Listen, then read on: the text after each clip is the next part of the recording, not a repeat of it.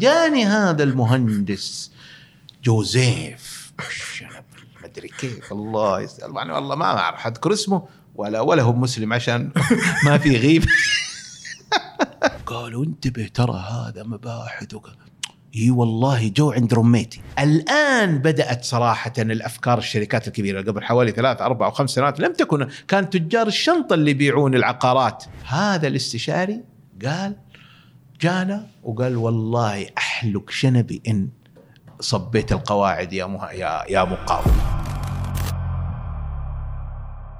حياكم الله بياكم. أنا أحمد عطار وهذا بودكاست بترولي. في كل سبت نستضيف شخصيات بترولية مميزة. نسمع قصصها ونناقش معها قضايا مهمة لكل شخص يريد صناعة مسار مهني عظيم. ضيفنا في هذه الحلقة هو المهندس مذكر القحطاني.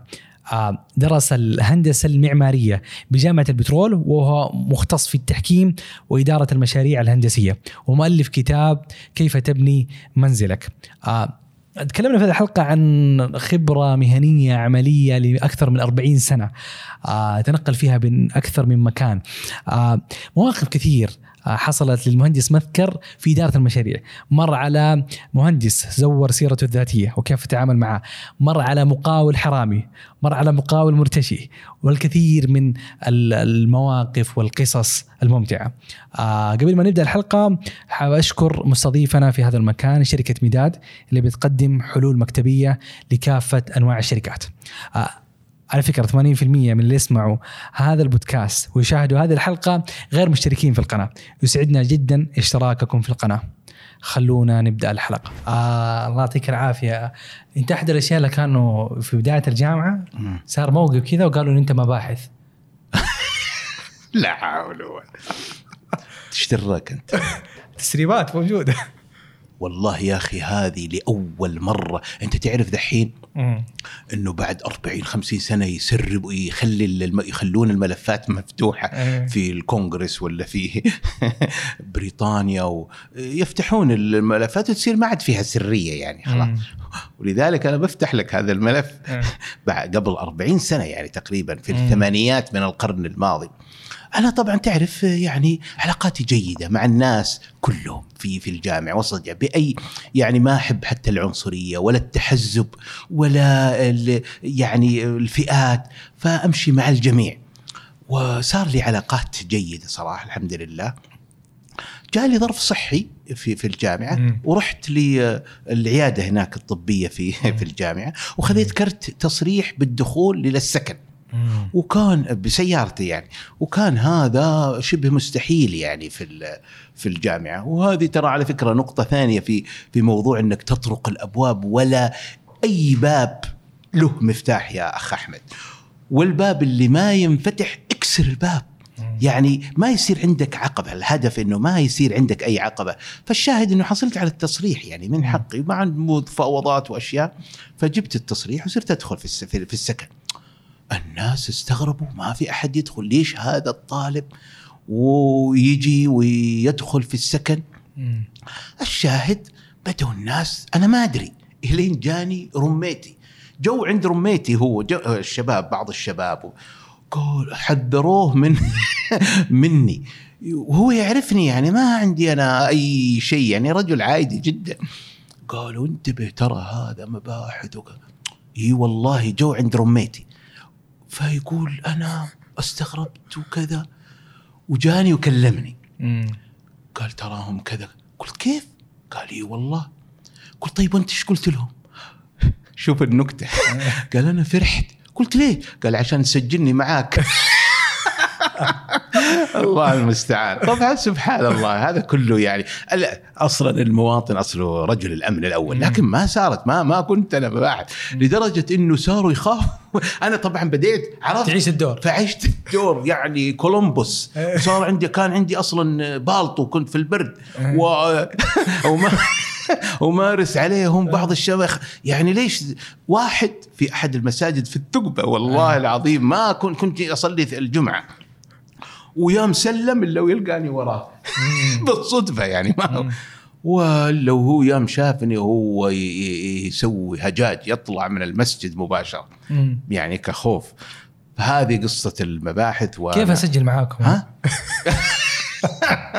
كل انت انت لازم تكون رجل امن أصلا يا إيه. أحمد وكلنا يجب الركون. إيه. فلكن هذه القصة صراحة يعني كانت من الأشياء وهي ترى أول مرة يعني اذيعها عندكم. طبعا ما شاء الله المواقف كثير يعني بالذات ما شاء الله مسيرتك المهنية طويلة. نعم. آه أنت درست في الجامعة عمارة. نعم. لا. أو هندسة مدنية. لا. أنت جبتها كلها الثلاثة هذه ولا جبتها؟ هندسة معمارية. هندسة معمارية. أيوه. وهذه النقطة مهمة ودائما عند بين المعماريين والمهندسين والعمارة. فيه نقاش و و وجدل. إيش الفرق بين الهندسة المدنية؟ حتى ك- بين المتخصصين حتى. فما. بالك بالمواطنين. إيش الفرق بين العمارة والهندسة المعمارية والهندسة المدنية؟ شوف يعني ترى الغرب يطور نفسه. هذه هذه الأشياء اللي صراحة نحتاجها. في في في ال- في العالم العربي من زمان ما في إلا عمارة وهندسة مدنية. يعني العمارة هي الفن. حتى ليست هي هندسة يسمونها فن. حتى يعطون آه، البكالوريوس يسمونه Bachelor of Arts يعني بكالوريوس في الفن. وليست هندسة it's not engineering فبعكس الهندسة المدنية هذه الحديد والوزن والخرسانة والتربة ومش عارف إيش.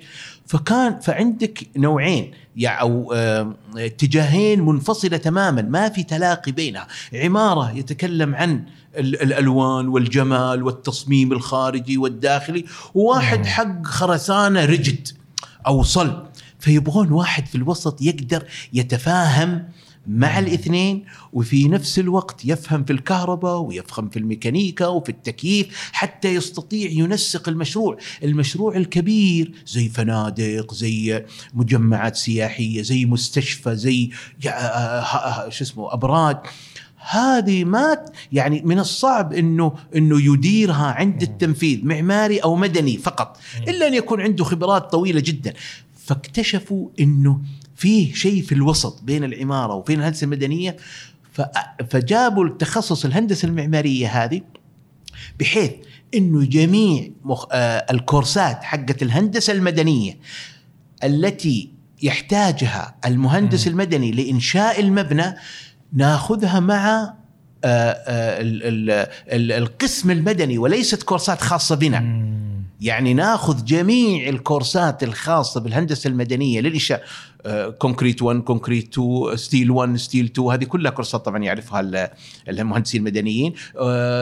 structure mechanic structure analysis كلها ناخذها مش في قسمنا. نروح هناك ونبدي عليهم ناخذ ناخذ عليهم الاي لأن عندنا التخيل حق العمارة. فنأخذ كورسات ال- الهندسة المدنية. ثم يعطونا أيضا كورسات هندسة كهربائية وهندسة آه، ميكانيكية وتكييف. فجمعنا آه، آه، التخصص الذي في الغالب أنا أقول إنه يحتاجه آه، المشروع لتنفيذ. لكن المعماري هو اللي آه، يقود في التصميم في الأشياء. لكن أنا أتوقع أفضل واحد لتنفيذ المشروع الكبير هو المهندس المعماري. نعم. هو جميل جميل. آه أنت تكلمت عن إدارة المشاريع وأتوقع وليك باع طويل في موضوع إدارة المشاريع. أنت أول ما تخرجت نعم. عملت في في في قطاع خاص. لا. أنا ما والله خلي على الله إيش جاني في القطاع هذا.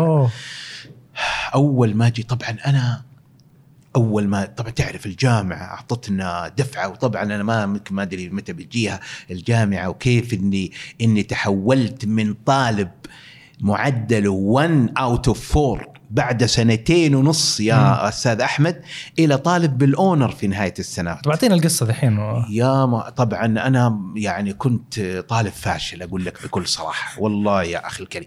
جانا مجموعة من الشباب ونقعد. ما عندي هدف أصلا إني أتخرج من الجامعة. جيت. أقول لك عام كم ولا؟ في التسعينات.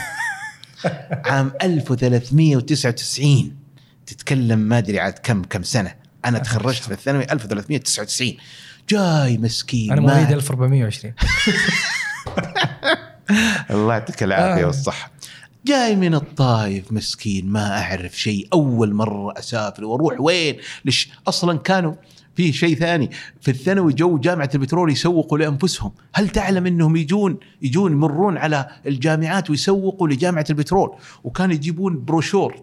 بروشور وفيه ال- المسجد اللي كان في في, في وسط ظهران. الجامعة في الظهران. ولا المسجد اللي في الجامعة وجنبه البحيرة. أنا حسبه البحر. آه. وأنا ما داني البحر بدوي. أنا كنت يعني جاي أحب البدو واحب ال- ال- الجبال والوديان والأشجار. البحر هذا أقول موية تروح وتجي يعني. ما ما ما ما تلفت ما. معنى في حياتي. فشققت البروشور. والله ما قلت أعوذ بالله ل- للظهران. الشاهد فرحت هناك. للجامعه ما أعرف شيء وفي ظروف معينة صارت لي جيت اول أول مرة جي أبغى فندق وي- ويقول لي الغرفة ب 60 ريال. 60 ريال في وسط الخبر. طبعا جيت وطلعت اللو وفيها الله يكرمك دود وصراصير. قلت أبغى أحسن يعني فأروح إلى فندق أظنه في في في الحزام أو كذا في الحزام الأخضر أو ما أدري وهذا بيقول لي الغرفة ب 200 يعني ما في شيء في الوسط. قلت أعطني عصير بس. وأخذت لي عصير طال عمرك ورحت هناك لواحد من أفضل الله يجزاه خير. المشكلة الطول تراني مثل الطنطاوي. تفضل ترى تفضل. يعني وقفني إذا الكلام يعني طالما استرسل مبسوطين إحنا. ال- الشاهد إنه ف- يعني رحت هناك وجل أتلميت على أربعة أصدقاء من أفضل الأصدقاء وأعطاهم الله على قدر اجتهادهم. أحدهم من المدينة رجل فاضل جدا وكان هو اللي ينصحنا. يقول يا أبو معاذ ما هو ما كان أبو معاذ كان يقول يا أبو دغش يا أبو دغش تع- تعال. وادرس هو طبعا الله يوفقه وييسر أمره كان يشيش ويأخذني معاه للشيش طبعا أنا ما كنت شيء هو يقر أنا أقول له القرق- القرقورة يأخذ القرقورة كذا ويقرقر واقول ليش أنت تسوق؟ قال قلت تقرقر تروح تتصل بالمدينة. الشاهد كان يأخذني معاه ولكن حريص ياخذ وقت معين للترفيه وبعدين يروح للدراسة. مرة ممتاز. هذا الرجل تخرج في وقته. خمس سنوات لا ويروح معنا بعض المرات وكذا. حنا الأربع الثا- الثاني هذا اللي هو أنا. كنت مرة يمين ومرة يسار. مرة أطيع رئيس العصابة. رئيس عصابتنا هذا كان معاه السيارة يودينا ويروحنا ولا يذاكر ولا شيء. هذا طرد من الجامعة مسكين. جينا إحنا الاثنين في الوسط الزملاء. واحد يعني مرة يميل إلى اليسار إلى إلى رئيس العصابة. قعد عشر سنوات وبعدين تخرج. أوه. أعطاه الله على قد هذا يبغانا نستضيفه إيه أعطاه الله على قد. والله في مايننج كان. ولد من المدينة وأعرفه إلى الآن.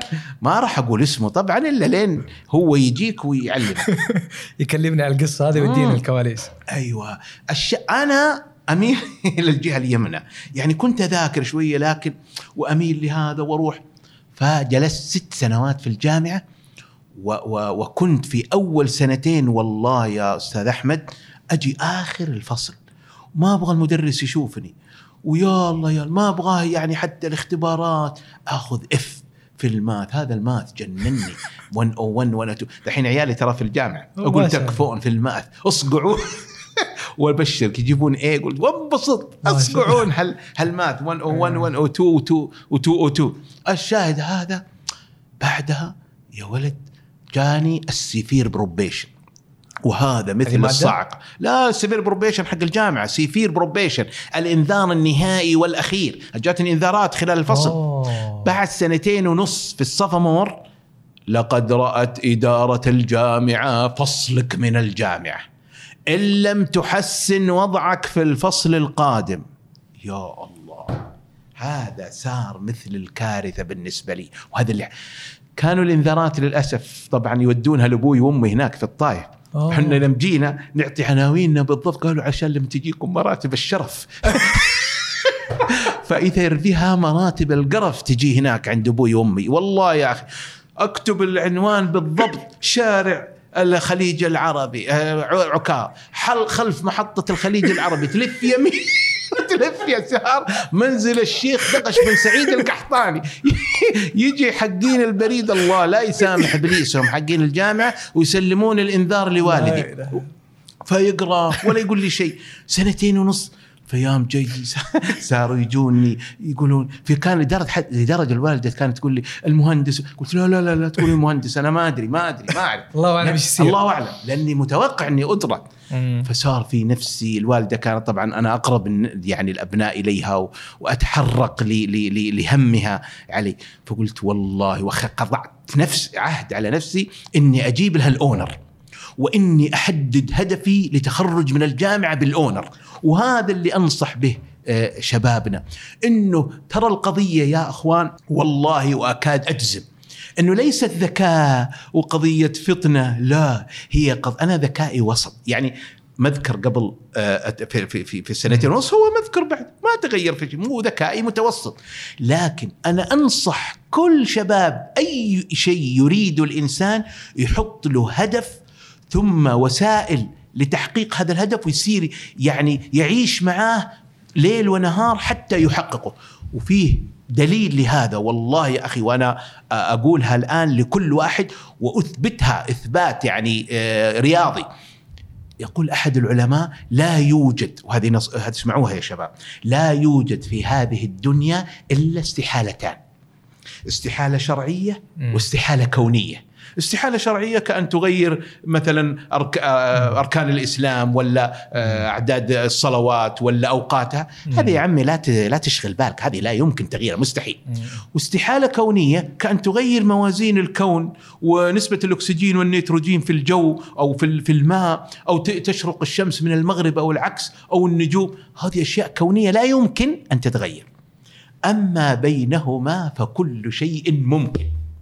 والدليل أنا هذا الدليل من عندي ما هو من الشيخ مم. لأني فعلا بديت أخذ هذا المثل لك هذا. كلام نظري هذا كلام أيوة، تنمية بشرية أيوة. ها؟ هذا لا، كلام لا،. لا، لا، تقول لا. تخطيط وأهداف وواقعيا الواحد يبدأ يطبق النصائح هذه ما يلقى شيء والله إنك ص... لكن شوف يعني أنا أقول لك الد- الدليل الدليل الواقعي اللي يثبت كلامي هذا الآن لو جاك واحد وقال لك قبل 200 سنة هناك حديدة أو 150 سنة.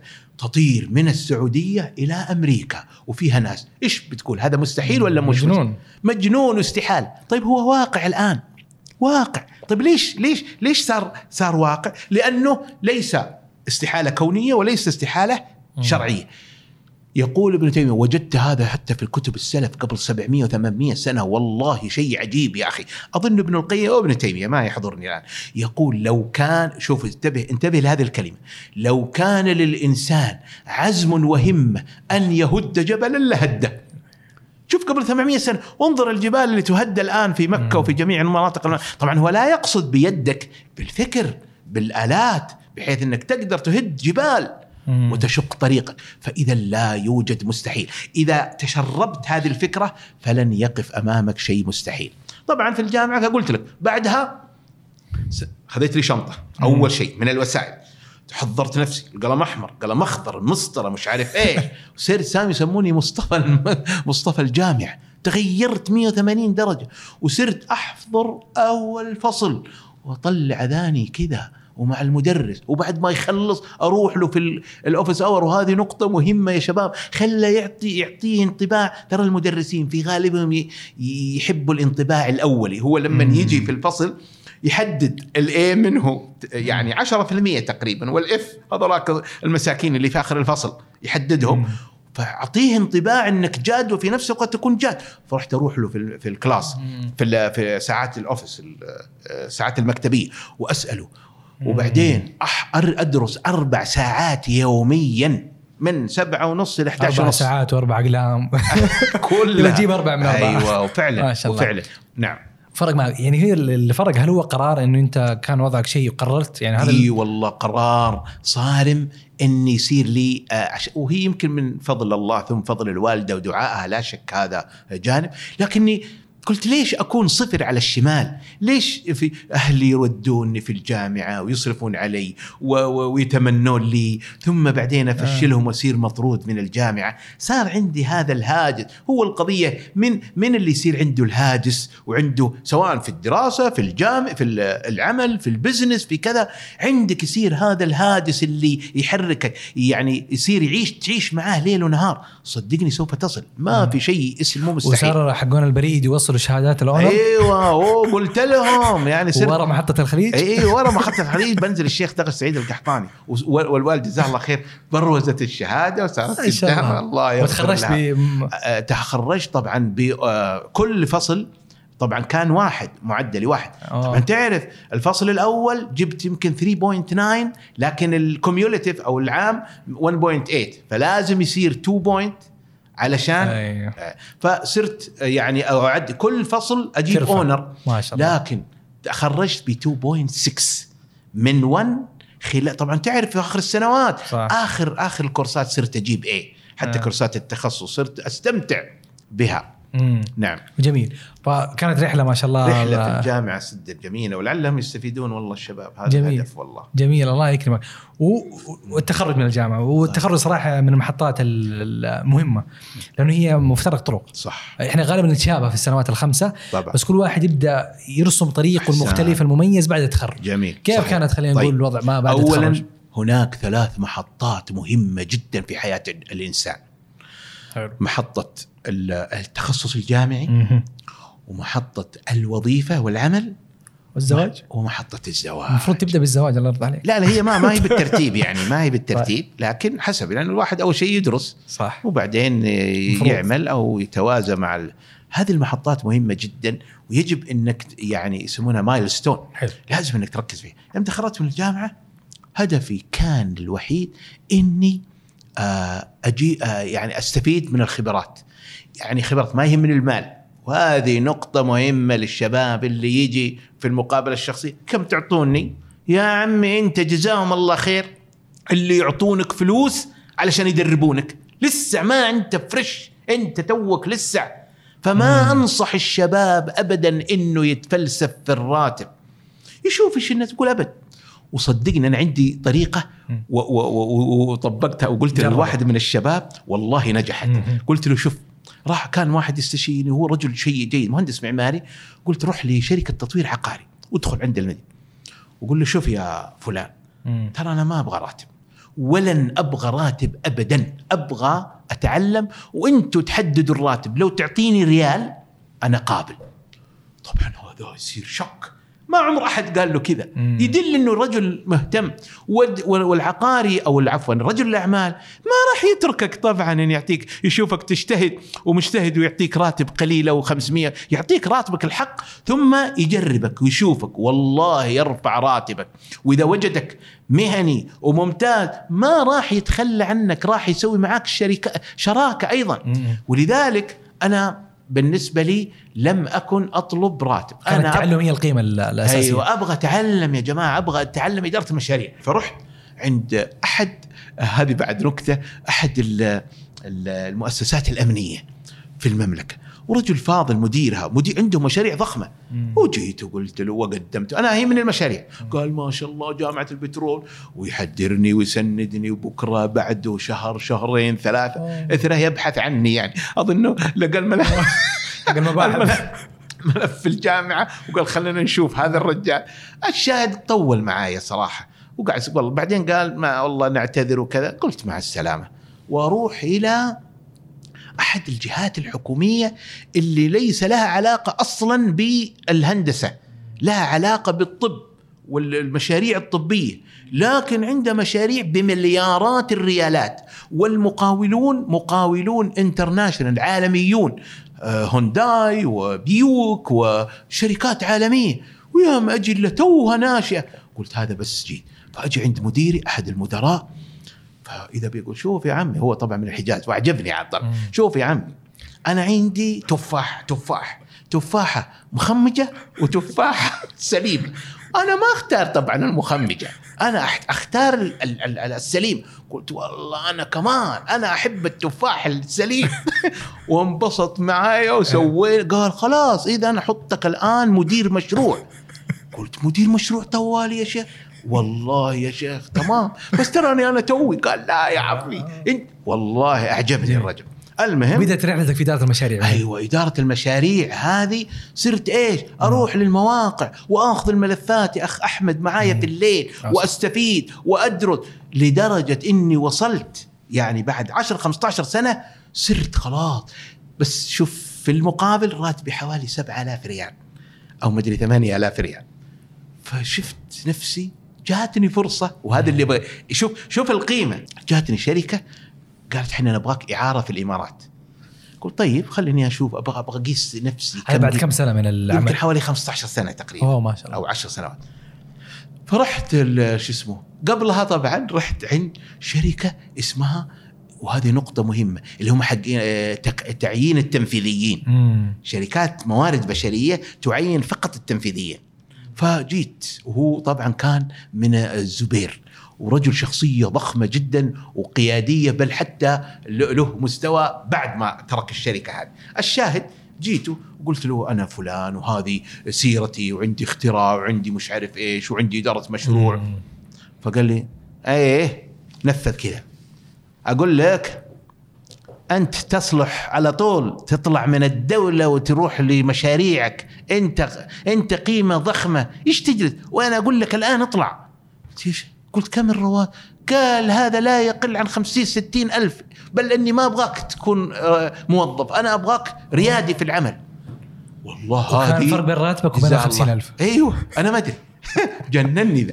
قلت صحيح. قال أقول والله بعدها جاتني شركة وقدمت علي عرض ستين ألف ريال شهريا. مم. هذه كانت البداية ل يعني وقت عرفت قيمتك أكثر. ها؟ عرفت قيمتك السوقية أيوه أنا أكثر. ما أنا ليه؟ ما هو لأجل شخصي ولا مم. لأجل القيمة اللي آه، تعلمتها من الدولة. يعني الدولة أعطتني وجزاهم الله خير. أنا قاعد أقول أقول والله كأني أسرق لما أجي أتعلم. لأنهم يعطوني راتب وأتعلم. أتعلم علم. وتركونا يعني ما ما يدخل كأنه يعني آه، ولدك. ال- ال- المشروع كأنه ولدك. وفعلا رحت طبعا الإمارات وجلست في تأسيس شركة. بعدين فتحت لي مجال كثير. جبت ماجستير إدارة أعمال وهذه أنصح المهندسين. ماجستير إدارة الأعمال هذه برضو تخصص من اختراع أمريكا. إنه يجيبوا المهندسين أكثر ترى على فكرة. مدراء الشركات العالمية انجينيرز مهندس. وعنده ماجستير إدارة أعمال. لأنه يعانون في المصانع وفي الشركات إنه في فريقين ال engineering وال technical والمهندسين والإداريين والتسويق والمالية.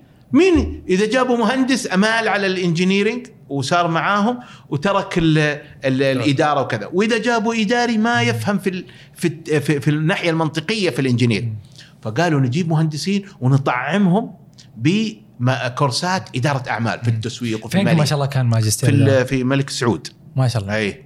وطبعا عاد بدايه البدايه الصحيحه. برضو بأربع اقلام قدام وكان سوا. والله يا زملائي. طبعا جي هذه لها قصة بعد في الجامعة. أي. يوم جيت حتى موضوع الاختيار التخصص. آه جميل. كان وقتك نرجع له نرجع له. بس أنت دحين ما شاء الله بعد 15 سنة رجعت لاداره الأعمال. نعم نعم نعم. كانت تجربة لا، وعودة لمقاعد الدراسة. لا, لا مقاعد أيوه. مقاعد دراسة وكان لها جمال.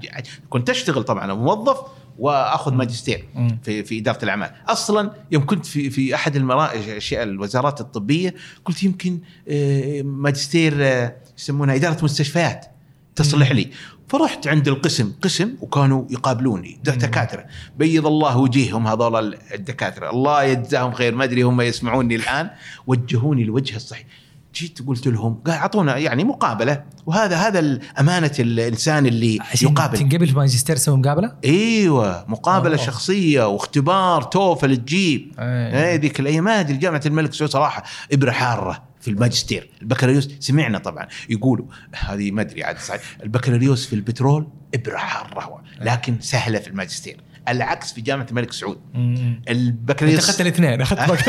الحارة هنا أيوه. فجيت فقال لي فبديت أتكلم عن نفسي وعن كذا وعن آه، يعني إنجازاتي وأشياء. قال تكلم عن نفسك.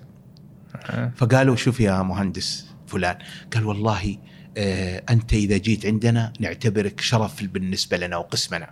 ولكن والله ما نصل ننصحك. افضل لك وازين لك تروح إدارة الأعمال. أنت كنت إدارة مستشفيات مستشفيات. قال أنت أنت تصلح لك إدارة الأعمال. قلت والله ما أدري. قلت والله ويا ما أروح إلا مدراء الشركات الكبرى في المملكة زملائي الآن. آه. كلهم مهندسين يمكن إلا واحد واثنين. وعندهم قلت واحد منهم زملائي كان في جامعه البترول الحين أبو دار إبليسك ليش ما علمتني؟ قل قال أنا خايف منك. ترى تخرب علي الأفرج في الماجستير. وأنت وراي وراي. قلت والله ما أخليك. وخذيت الماجستير وصرت يعني أول واحد وحتى أجيب الج... أجيب ال... الواجب عندي كذا. وطبعا هم مساكين في الشركات يقعدون للساعة 6 7 وبعدين يجون. أنا خفيف دوامي فأجي أحل الواجب واحطه قدامي وأوري الأستاذ الواجب. أقول بعض المرات أطيحه. أقول الواجب طاح يا أستاذ. فيتذكر. بس هذه اذكرها في المتوسط والله ما فيها شيء. أنا أبغى إنه يا أخي أنا أتعب ولا يطلب الواجب الأستاذ. أبغاه يطلب.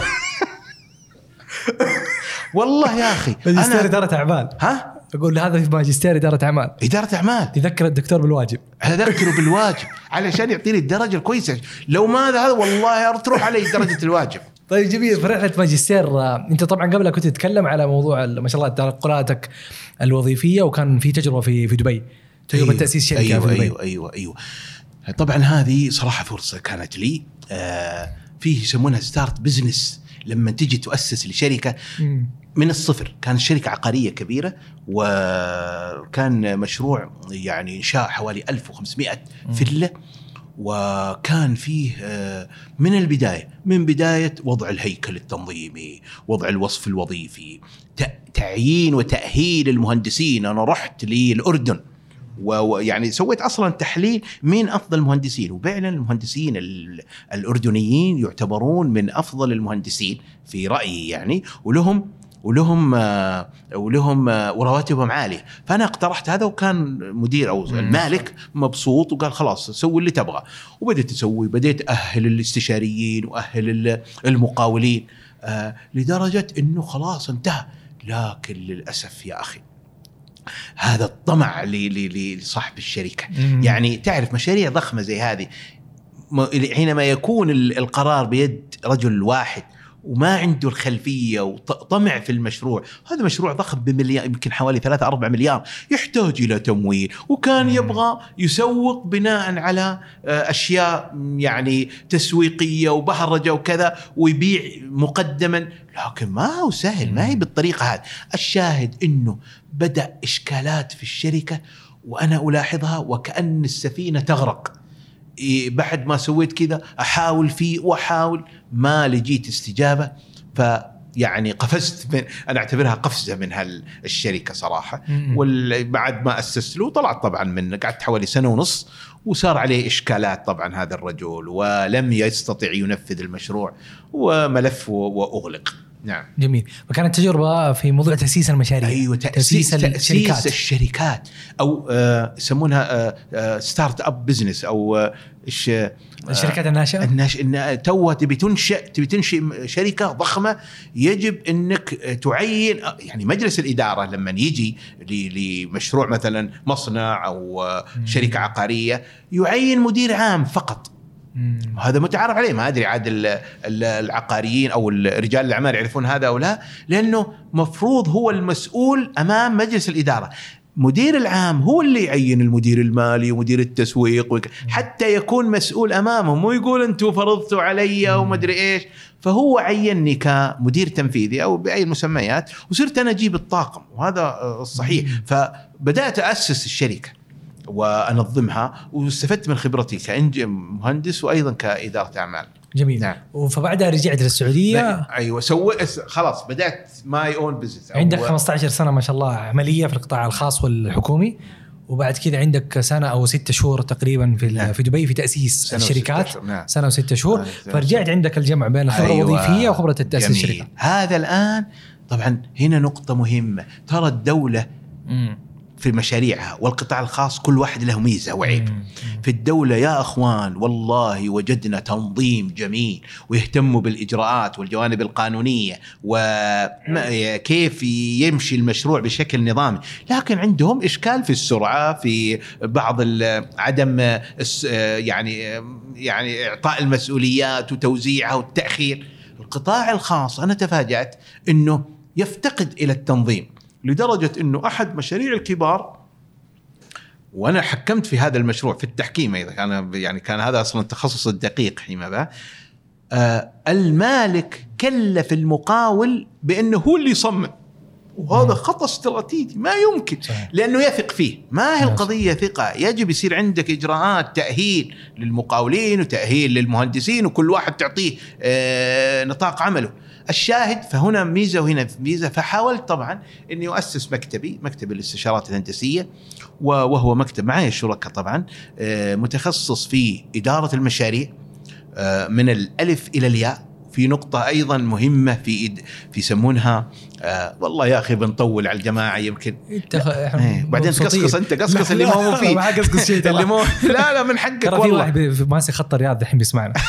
اي من الرياض للدمام فهذا لسه قدامه ثلاث ما ساعات. أدري والله. عاد كيفك؟ أنت قول لي ترى أنا يعني راحتك. آه وين كنا؟ إيش قلت؟ إحنا كنا في تأسيس الشركة. آه سويت أنت مجموعة آه، شركة في. إدارة المشاريع. أيوة. في شغلة مهمة قبل المعماري إنه يبدأ. مم. المعماري وهذه المشاريع الكبيرة يجي واحد يقول والله نبغى فندق طيب إيش دراك إنه هذا الموقع مم. هو مناسب لفندق مم. أو مناسب لمستشفى أو إنه ما هو مناسب ويجب إنك تبيع الأرض هذه أو إنه الشقق تمليك في شيء اسمه the best use of land. اللي هو أفضل استخدام الأرض. في شركات متخصصة عندها ال- المعلومات اللي تؤهلها إنها تعرف معلومات في تاريخ الع- الع- العقاري في المملكة في الشارع نفسه إيش. اهتمامات هم يسوون لك هذه ال- الدراسة. تتكلف بعض المرات من 10000 إلى حوالي 60 70 ألف وبعضها 100000 حسب قيمة المشروع. هذه مهمة نتكلم عن المشاريع الكبيرة بعض المشاريع الصغيرة تقدر أنت تسويها أو المالك بالتواصل مع مكاتب العقار وتشوف إيش أفضل استخدام ت- تتوقعون كذا وتسأل الناس. ممكن أنك تسويها. حنا نسوي آه هذه آه، ونعطي المالك وجهة نظرنا. لكن في المشاريع الكبيرة ننصحه أنه يروح للشركات حتى نعرف ما هو المشروع الجيد لهذا. فنحن زي ما تقول ممثل للمالك. نروح نعرف الشركات اللي متخصصة في دراسات أفضل استخدام الأرض ثم نصمم بناء على هذه الدراسة ونشتغل ترى بطريقة متوازية لأنه كثير من الدراسات الجدوى ما له ما عندهم أشياء فنية فحنا نزودهم. بالمساحات والمسطحات والتكلفة حتى تكون الدراسة متوازنة وصحيحة من الناحية المالية ثم نقرر ثم بعد ذلك نشرف على المشروع من الألف إلى الياء فنعطي المشروع كامل. فما شاء الله خبرة طويلة في إدارة المشاريع. نعم. أنا إدارة المشاريع أنا ما أعرف بس خلينا نبدأ نتكلم شوية كذا عن إدارة المشاريع. نعم. وصارت مهارة مهمة ايا كان نعم. الشخص تخصصه ولا عمله وجود آه، عنده قد- قدرته على إدارة المشاريع هذه قيمة مضافة. بس أنا شايف اليوم هبة يعني وكأن إدارة المشاريع صارت عمل من لا عمل له. نعم. وكل ما الواحد جرب مجال وما نجح فيه قال خليني إيش؟ احسنت أحول إدارة جميل المشاريع. جميل. فبسمع عنك أنت كيف تشوف جميل. مشهد طيب. إدارة المشاريع؟ أنا ما عندي آه، شهادة إدارة مشاريع PP ما عندك P لا ابدا. شوف يا حبيبي. أوه. أنت أيوه ترى هذا سوق الشهادات لا يعني. لا لا لا شوف يا حبيبي. اولا لازم نفرق بين شهادة ال PMP كمنهجية مم. منهجية إدارية وبين إدارة المشاريع الهندسية المهنية. ترى هذه شيئين مختلفين. مم.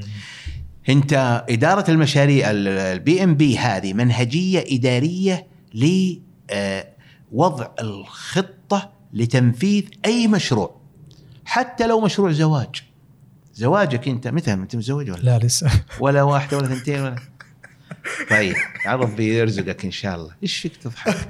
الله طيب. يعني فكرة موجودة لا هذه هذا فيها تطبق ال PMP يكون عندك هدف كيف تتواصل بال آه، الوسائل وجدول زمني ومتى تقفل ومتى يعني أنا أشوف طريقة تفكير أيوه أنا طريقة تفكير طريقة اداريه أنا أشوفها بالنسبة لي صراحة مم. common sense أو شيء يعني بديهي. بديهي إنه أيوه لأن إحنا نطبقها أصلا في إدارة المشاريع الهندسية اللي هي لابد يصير لك سكوب اللي هو نطاق عمل ميثاق ثم مشروع. أيوه آه، مواصفات وجداول كميات ثم جدول زمني ثم تقفل المشروع. يعني أنا شخصيا يعني أنا طبعا قد يكون هذا يعني تعرف هي زي ما ذكرت هي هبة أصلا من أمريكا. وتعرف أمريكا أم ال- الهبات. الهبات وال شهادات. والشهادات وكذا. منظمات. ها؟ والمنظمات ما أدري عاد. المنظمات هذه عندك ما أدري. آه فأنت تقول لي في فرق بين الخبرة في مجال معين. إنه ال PMP تعطيك كذا هيكلة منهجية. منهجية عامة لإدارة أي مشروع. لاداره أي مشروع. لكن في فرق بين المشاريع لأنه في مشاريع إعلامية في مشاريع عقارية في مشاريع هندسية في مشاريع نعم. مختلفة. هذه تطبق عليها هذه. طبعا أنا أقول ما هي إنها ما هي مفيدة. ترى على فكرة شوف أقول لك شيء يعني. بالفائده إنه ال- النظرة الحدية إنه 100% أو 0% هذه تعبتنا كثيرا في حياتنا. أيوه. يعني يا إما إنك تقول ما شاء الله فلان هذا ما مثله في الدنيا. ها ولا اترك من هذا ما يسوى وهذه هذه أنا أشوف إنها يعني غير صحيح أو في ال ال الأفكار أو في ال ال التوجهات يا أخي في أشياء وقيم جيدة ولكن. في قيم حلو. غير جيد جميل. فأنا ما أحب النظره الحديه أنا ما أقول إنه ال PMP أو إنها إنها يجب تتركونها وإنها ما هي كويسة حلو. وإنك لا مفيدة وتقدر تأخذها لكن ما يتص... ما هو شرط إنك تكون ناجح تجيب PMP. صارت صراحة كأنها واجهة وورقه ولا ولا هي ب... ما أدري أنا هذه وجهة نظري حلو نعم. بغض النظر عن موضوع الشهادة بس آه، في الاخير أنت لك تجربة ما شاء الله في إدارة المشاريع وهذا شيء مهم نعم. لإنجاز يعني أصلا الخدمات خلينا نقول الأعمال الموجودة إما منتجات مم. تباع أو وإما خدمات. خدمات تنفذ. والخدمات تدار صحيح بالمشروع صحيح آه فودي أسمع منك عن إدارة مشاريع تجربتك فيها عملك مم. آه صارت لك أكيد مواقف كثيرة فيها اوه صح صح أيوة. المشاريع في قصة المهندس. المزور برضو. أيوه أيوه أيوه هذه طبعا أنا يا أخي أنا أهتم وهذه نقطة مهمة للشباب في موضوع التوظيف أو إنك مدير الموارد البشرية مم. ودراسة السيرة الذاتية لمن يتقدم إليك أنا دقيق جدا وأقرأ ما بين السطور في؟ في السيرة الذاتية لمدراء الذين يتقدمون إلي لتوظيفهم. بس أنت يعني السيرة أهم من المقابلة بالنسبة لك؟ لا سيرة أول بعدين المقابلة. آه هذه تص- أول تصفيه هذه تصفية تجيك بلاوي في السير. إيش اعطينا من البلاوي؟ أيوة جاني هذا المهندس جوزيف. ما أدري كيف الله يعني والله ما أعرف أذكر اسمه ولا ولا هو مسلم عشان ما في غيبة لا غيبة لمجهول ولا غيبة ل- لش اسمه لكافر أظن بعد أظن هذا ما أدري هو يجوز ولا الشاهد هذا الرجل جاني عنده double major مهندس كهرباء آه، معماري ومهندس مدني يا الله. وكان وقتها كنت كان عندك شركتك لا الخاصة يا شيخ كنت في الدولة دبي. آه، بالدولة. في الدولة إيه. هذيك الأيام جميل. يوم كنت في الدولة وأنا زي ما قلت لك يعني أبغى مدير مشروع أنا أهتم مم. بمشروعي. هذا من جهة الاستشاري. فأبغى أعين مدير مشروع في قسم في الاستشاري. فقدم الاستشاري السيرة الذاتية لهذا الرجل. فقلت ما شاء الله هذا رجل عنده الخبرات 20 سنة وراتبه ضخم. فدرست سيرته الذاتية. فإذا بي أتفاجأ. إيه سبحان الله. الخبرات اللي قدمها من حوالي ست أو سبع شركات لمدة 10 15 سنة مكتوبة بنفس font الآلة الكاتبة. ال font اللي تعرف ما كان في كمبيوتر ولا شيء ال font اللي هو ال ال الكورة هذه حقت الآلة الكاتبة أيوة. طق طق. نفس ال font نفس مقاس ال font تعرف مختلفة آه. الآلات الكاتبة مو معقول إنه كل الشركات. إيه. كل الشركات ما عندها إلا هذا ال font أها ولا أيضا اللغة. أنا طبعا بالإنجليزي. اللغة نفس اللغة. إيه. للسبع شركات.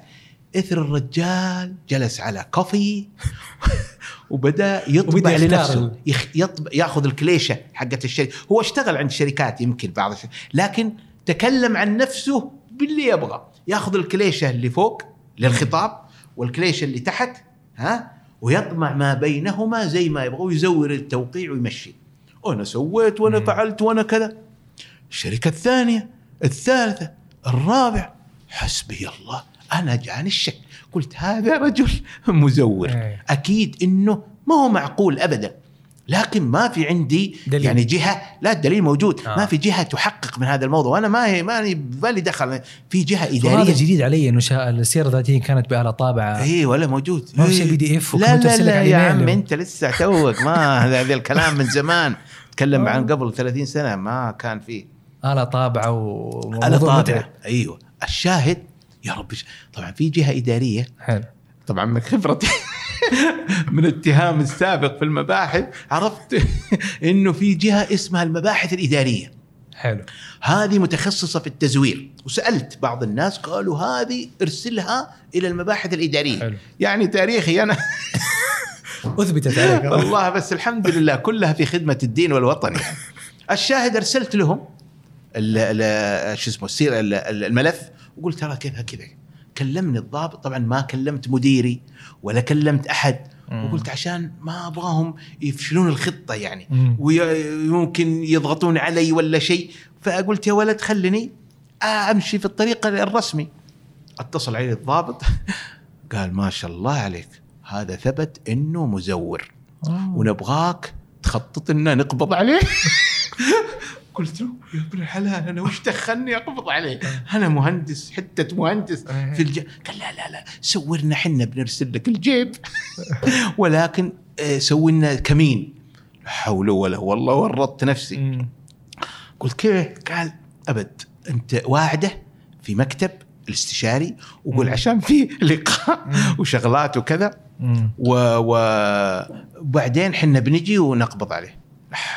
ما عندكم طريق؟ أعطيكم رقم وتوقع قال والله ما في إلا كذا. لازم تكمل المشوار. مم. المهم كلمت صاحب مكتب الاستشاري وهو اللي متوظف عنده. قلت ترى صار كذا كذا كذا. واعد الرجال يجينا في المكتب الساعة سبعة صباحا نبي نتقابل معاك المقابلة الشخصية. جميل. يرتبها.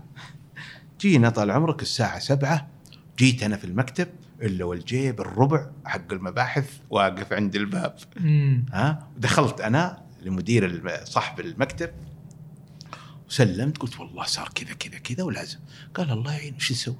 شوي إلا وجانا المهندس. مم. مهندس بالكرافتة والشوارب المعكوفة مبسوط. طبعا الاثنين اللي في الجيب دخلوا.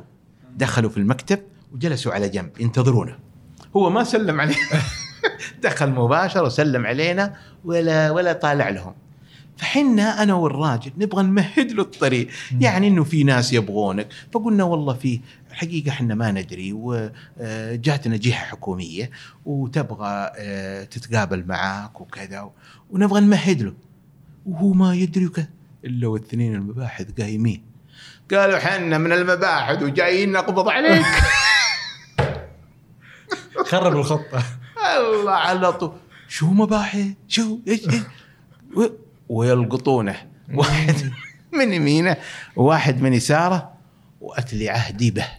أوه. قد طلعوه. طبعا بعد فترة. بس دحين هذه جريمة. انه أنا كتبت في السي في حاجة أنا ما سويتها. إيوه جريمة جليش هذه تزوير.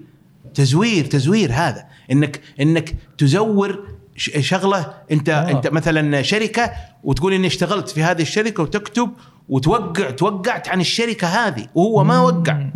ما سوى شيء تزوير. الحين السيرة الذاتية كذا بس يحط آه، اسم الشركة و...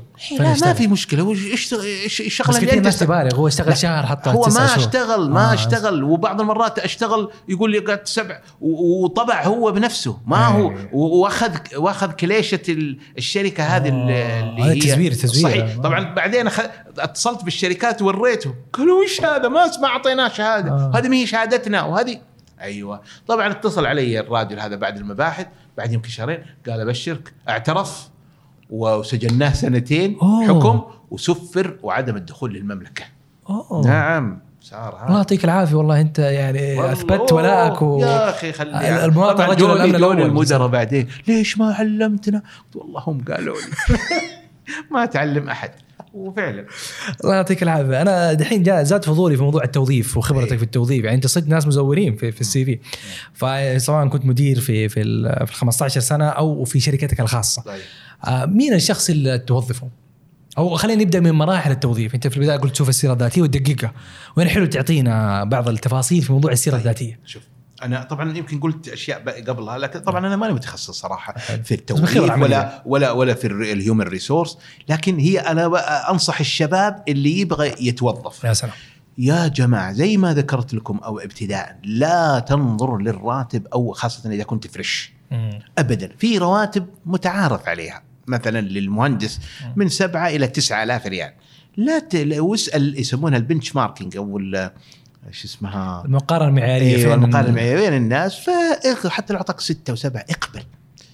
إذا أنت واثق من نفسك إنك مهني ورجل جاد أنا عندي شرطين أنا أقولها للشباب. إذا التزم بها والله بإذن الله راح يحقق نجاح مع المالك الشركة. أها. اولا اللي هي المهنية والانضباط في العمل و و وإنك تكون جيد في مهنتك. أنت مهندس مدني مصور آه، مخرج كذا. إنك رجل مهني عندك الوسائل إذا ما عندك آه، توك خبرة عندك الوسائل إنك تعرف كيف تجيب المعلومات الفنية. ومهتم ورجل جيد وعندك المقدرة الفنية في مجالك. الشيء الثاني نظافة يدك وحرصك على مال العام مال الشركة. خلوا كأنه ز- كأنه شركتك. فلما تكون فلما صاحب الشركة يشوفك بهالطريقتين والله يوظفك بل حتى يخليك شريك. هو لابد من مسار مهني للموظف. فهو بعد سنتين ثلاث ترى هي أنا أنا أنصح الشباب ما يقعد يتنقل بين الشركات ترى هذه ما هي جيدة في السي في. إذا كنت طال عمرك آه يعني سنة هنا وسنة وسنة وسنة ما هي جيدة. لكن لو جيت وشفت لي سيره ذاتيه خمس سنوات في شركة واحدة هذا إيش معناه إنه كويس ماشي معاهم ولا ولا صار عندهم مشكلة مم. لكن إذا شفته يتنقل هذه نقطة آه، سلبية. مم. الشيء الثاني والنصيحة يمكن أنا ما أدري صراحة الأعداد وأقول لك ثلاثة اثنين وثلاثة ما أدري لكن سويها أنت بكيفك. آه الشيء اللي مهم يمكن بعد المهنية وبعد نظافة اليد إيه المهارات الناعمة في التواصل. والله يا أخي الكريم إننا نحن نحن في التوظيف إذا جاني مهندس نعطي 50% أو 40% للمهارات المه... الشخصية في التواصل والعلاقات مع الناس والابتسامة وكيف يتعامل مع الناس و50% لشهادته بس ونواحي هذه ليش مهمة؟ ليش مهمة؟ أنا أعلمك أعطيك تجربة يا سلام. برضو واقع. يا سلام. أحد الشباب اتصل علي ومن أعز الشيء من أعز الأصدقاء وعنده شركة ضخمة جدا بمئات الملايين مليارات. مم. وقال يا أبو معاذ تكفى أبغى لي مهندس بترول. ورجل متخصص في هذا المجال. وأنا بحكم التواصل الاجتماعي وتويتر يتواصل معي عدد مهندسين مم. وتواصل معي هذا المهندس ال brilliant four point من جامعة البترول. four out of four. نعم نعم. four هذول ناس موجودين عايشين اي لا. والله موجودين. موجود. وترى هذا ما هو شرط إنه يكون جيد على فكرة. آه. ترى ال- ال- اللي اللي brilliant هذا ترى عنده نقص في المهارات التواصل. مم. ويفشل قد يفشل. ولذلك أنا أنصح الشباب ما هو القضية بأنك تكون يعني four point ما هو القضية؟ يجب أنك تمارس أنشطة د- توعوية تدخل في المجال. أنت ما شاء الله عليك حتى وانت م- لسه ما زلت طالب يعني شغال مع سويت عندك المشروع هذا فهذا يعطيك علاقات مم. يعطيك كيف. تتعامل مع الناس هذه ال four point هذا يغفل عن هذه ويركز على الدراسة ويهمل التواصل مع الناس كيف يتعامل معهم كيف آه، يعني يبتسم لهم كيف يكون فريق عمل كيف يقبلونه ما يكون نفسية في بعض الناس يزعل وحساس من كلمة. كيف أحد يقدر يقبله؟ هذا الرجل من هذه النوعية. فأشتغل فقلت أنا كنت ما أعرف طبعا عنه ش- شخصيا فأرسلت له السير قلت هذا رجل ممتاز وجيد وأنت عاد بكيفك ادرسه جلس معاه سنة. بعد راتبه حوالي يمكن 37 إلى 40 ألف. والله بعد سنة فصلوه من الشركة.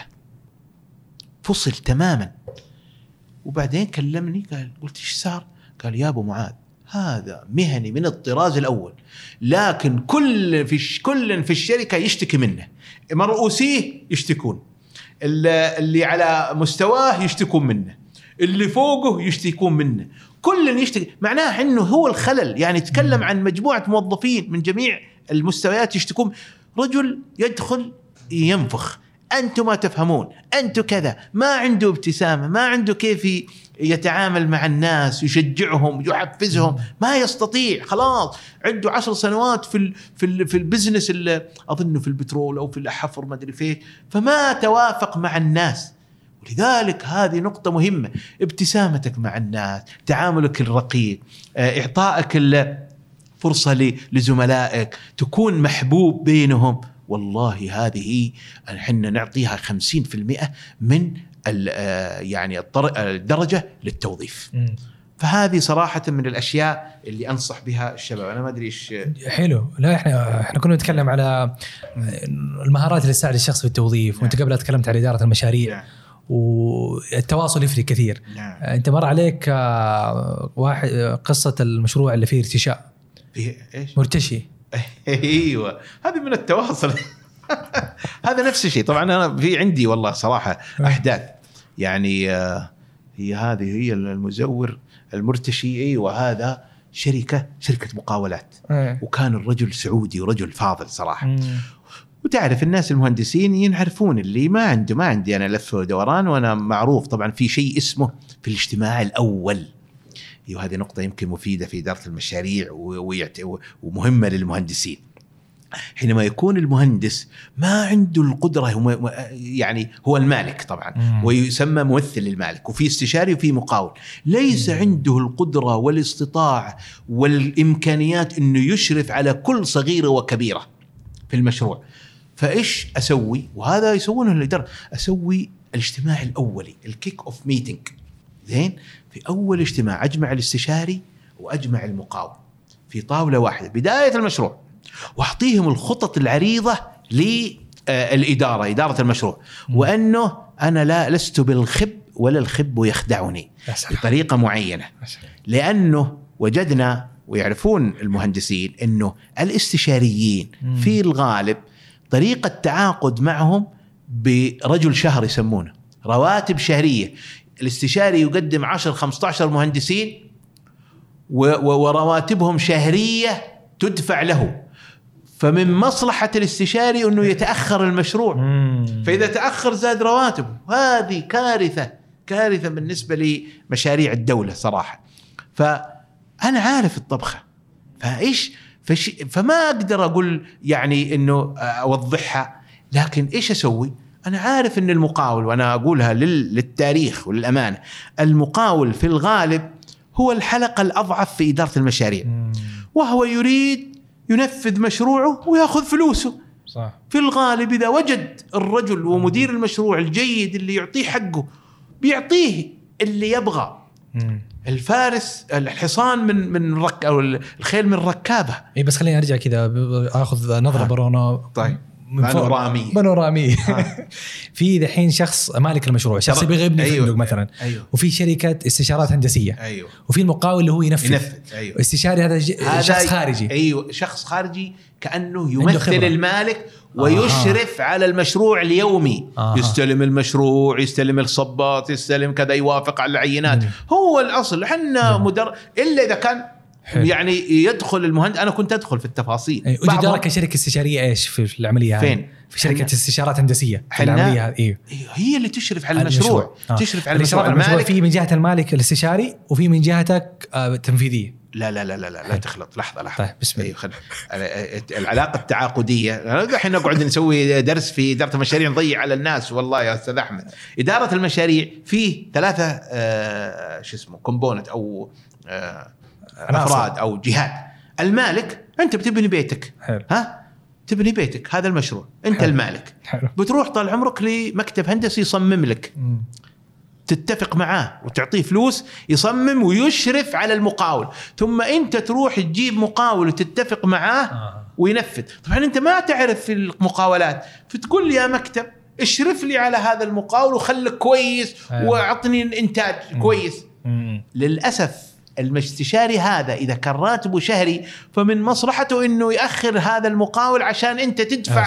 له شهريا. وأنت تسوي اجتماع كيك أوف. أيوه. وتقول لهم أنا أقول تعال. فاهم الطبخ بطريقة ما هي مباشرة. إيش أقول لهم؟ أقوي جانب المقاول. آه. المقاول هذا قلت لك هو حلقة وا- أوضح له أقول شوف أنا طبعا بيتي آه مكتبي بيتي مكتبي مفتوح تمام؟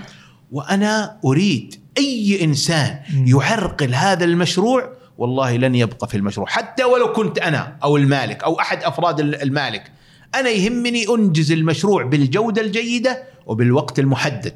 أنا ما يهم لا لا أحد يؤخر المشروع صحيح. فأنا يهمني المقاول أعطيه يعني جانب ترى بابي مفتوح إذا شفت أي مشكلة فأنا آه، يعني مفتوح بابي ممكن إنك تجيني وأيضا أقول ترى الجودة مهمة حتى برضه ما يصير المقاول نوع إنه يسيطر على الاستشاري ويمشي على كيفه. لا أنا أبغى ناحية مهنية. هي نوع من مسكه العصا. من من من الوسط. سويت هذا الكلام في أحد في كل مشاريعي. جاني المقاول. مقاول سعودي. قال شوف يا أبو معاذ أنت ذكرت تكون في الاجتماع الأولي نظرتك وأنا عرفنا إيش الدعوة. هذا الاستشاري قال جانا وقال والله احلق شنبي إن صبيت القواعد يا مه... يا يا مقاول أوه كذا بصراحة صراحة قد بينه وبينه في موقع نائية آه. إيش تبغى؟ خمسين ألف تعطيني وأنا أمشيك قلت معقولة؟ مكتب استشاري وهذا موظف عند المكتب طبعا مهندس في موقع نائي أوه مم. بالطريقة هذه قلت طيب تقدر تثبت؟ أنا طبعا هذا ادعاء أنا مو معقول ب- ب- بج- بدعوى شخص وقد يكون ما هو صحيح. قال نعم مستعد أثبت وبس تقف معي. قلت أبد أنا أوقف معك. راح هذا الرجل ورتب مع المباحث الإدارية اللي رتب. هذه جهة يا أخي والله نرفع لها القبعة صراحة لأنها تحافظ على المال العام. راح عند المباحث الإدارية وقال لهم الموضوع. قالوا أبد سوي كمين. جيمس اسود و جابوا له خمسين ألف مرقمة. آه. معروفة. وقال له حطها في جيبك وروح له في الموقع وتفاوض معاه وفي يعني واعطيه. حنا بنراقبك من بعيد. الجيب ال- الربع. الله يجزاهم خير. راحوا طال عمرك وهو يتفاوض معاهم ويشوفونه. سلموا الخمسين ألف. شوية ال- وكفشوا عليه. آه.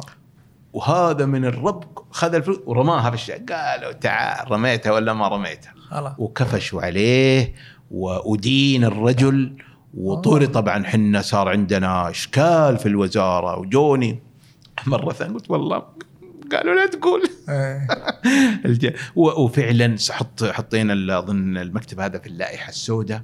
وصار حتى المكتب اتضرر. إيوه انضبط المشروع و... و... يعني صراحة وقفت مع المقاول. وقلت هذا مقاول أمين. وهذا الغالب يا جماعة يا مهندسين. الم... قوي جانب قوي جانب المقاول في الغالب لأنه يبغى يده في النار ترى. الاستشاري جالس ركو... شوف أنا استشاري ترى. مك مكتب. لكن في الغالب رجل على رجل. وأنا ماني بشمس شاركة مم. حتى على موظفيني وعلى الم... لكن للأسف أنا أقول إنه الاستشاري قد يكون حلقة يعني تؤخر المشاريع بعكس المقاول لما أنا في سمعة كذا شوي على ال- القطاع العقاري إنه كذا في كلها في مصالح وفي أخذ. آه، غير مبرر وفي واسطات وفي سرقات وفي ودائما المقاولات في مضاربات ودائما اللي سووا بيوتهم ومشاريعهم ما في واحد متصالح مع المقاول حقه. ففي دائما مناورات تصير في الموضوع هذا.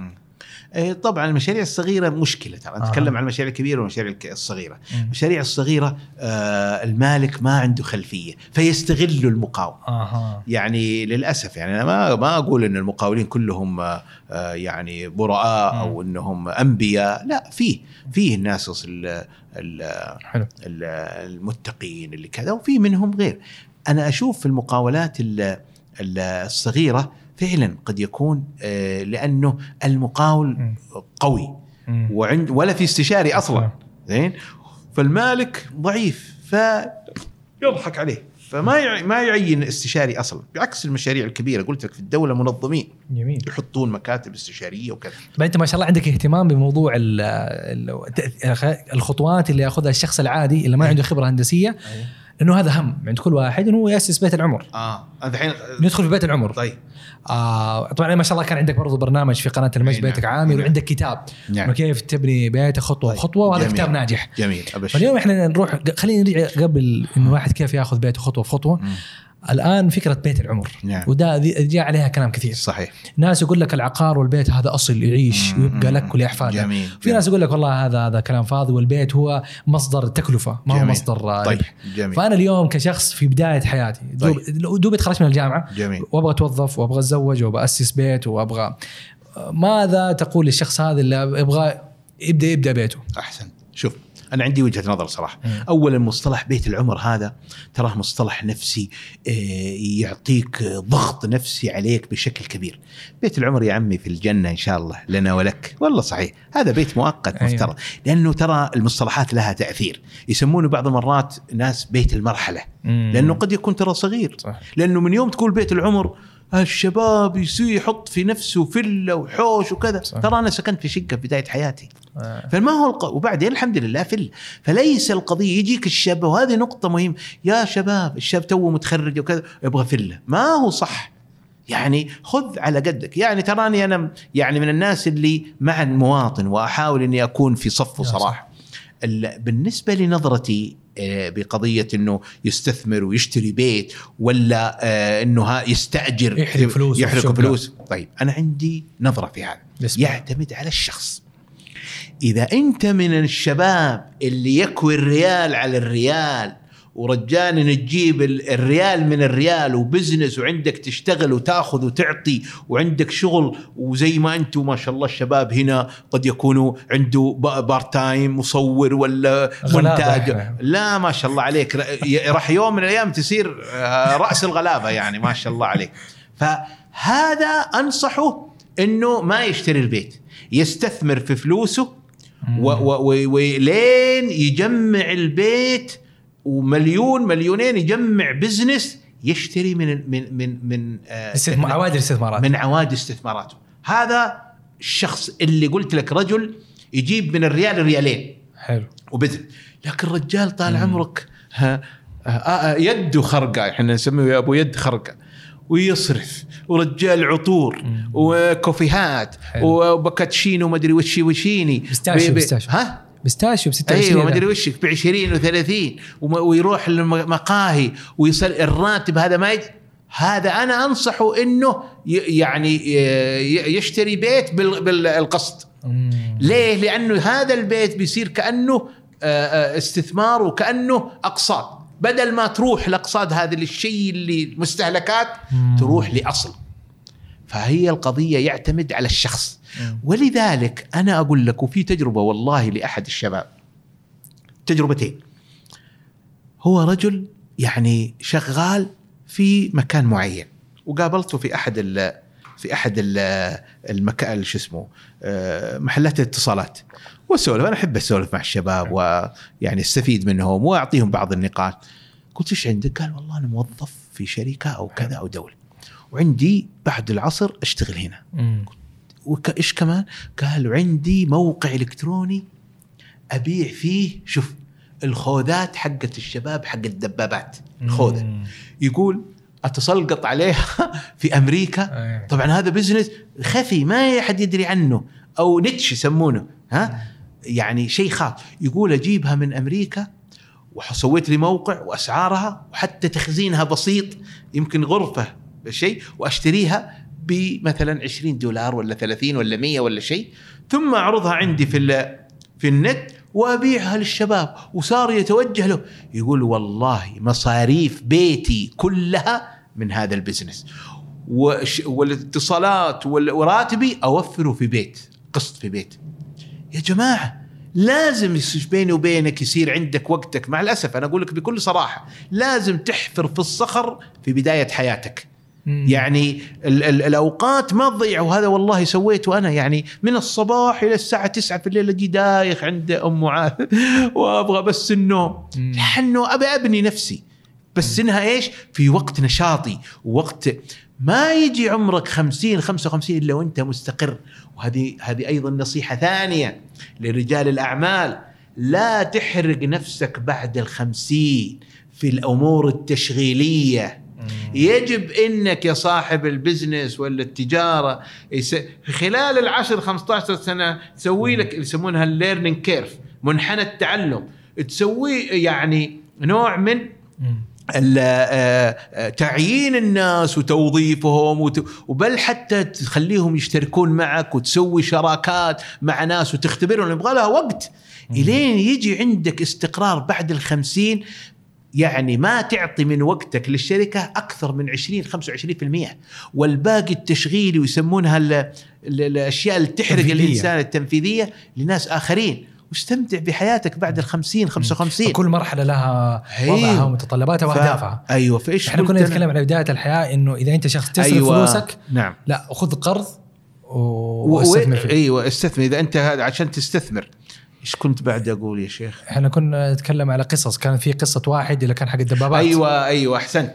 فصار يبيعها، القصة الثانية واحد من الجماعة عريف. أيوه. زين؟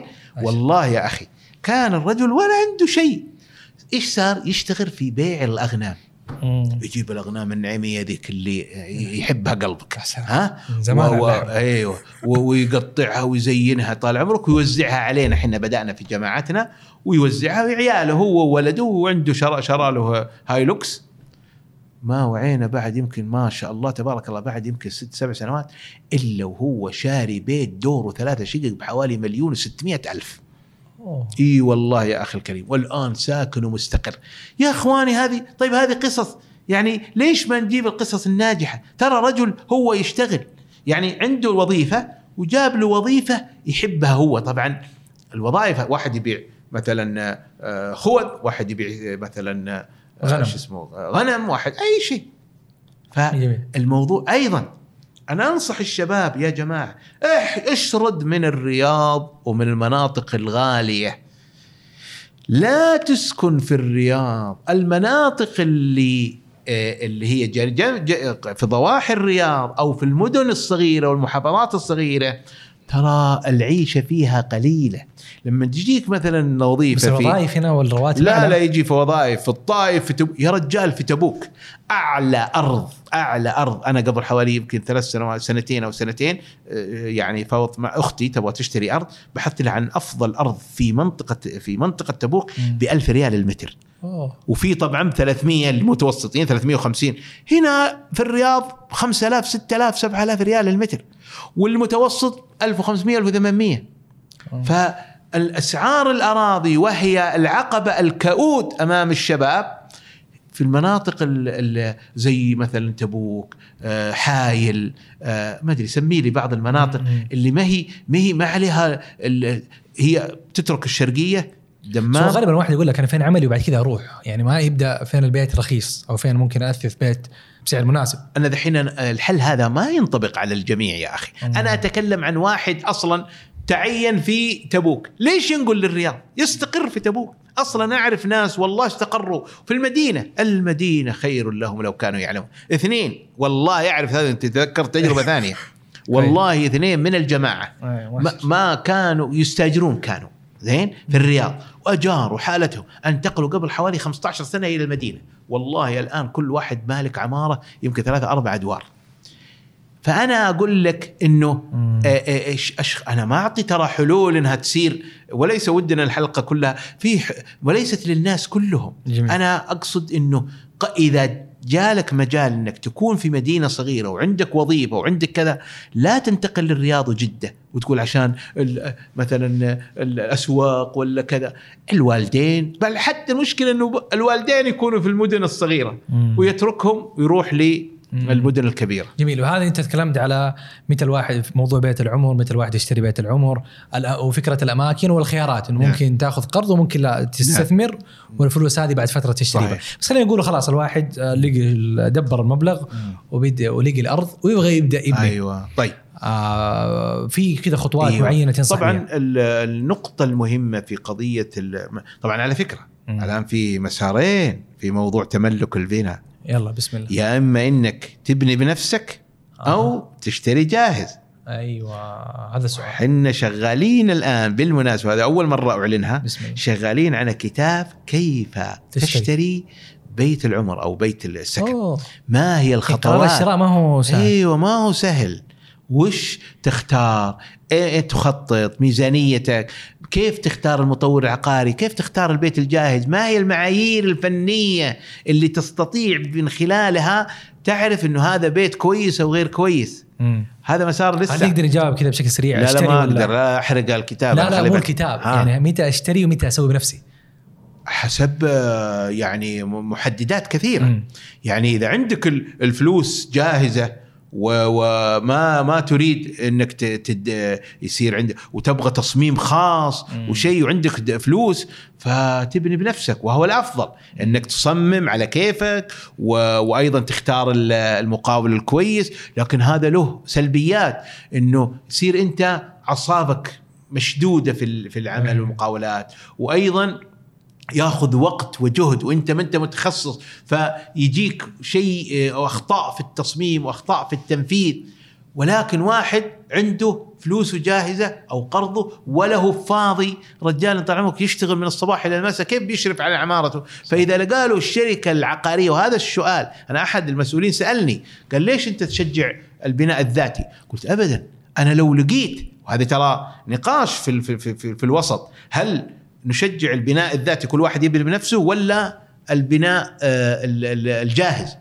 أنا أقول لو لقيت الشركات المحترمة واللي تعطي ضمانات كويسة ليش أبني وأدوخ نفسي وأدخل؟ أبغى لي شقة ولا فيلا وأسكن وأقصدها. صح.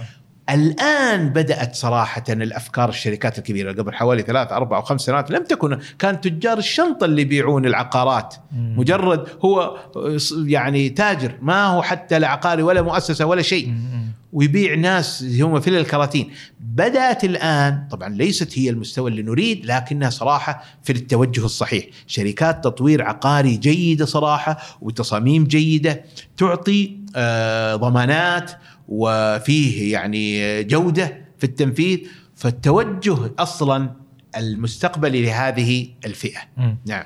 طيب جميل. إحنا ممكن نأخذ أبرز كذا النصائح والأخطاء الشائعة لشخص يبغى يبغى يبني بيت يبني بيت. أول نقطة يا أخي الكريم هي آه وفر في خيالك.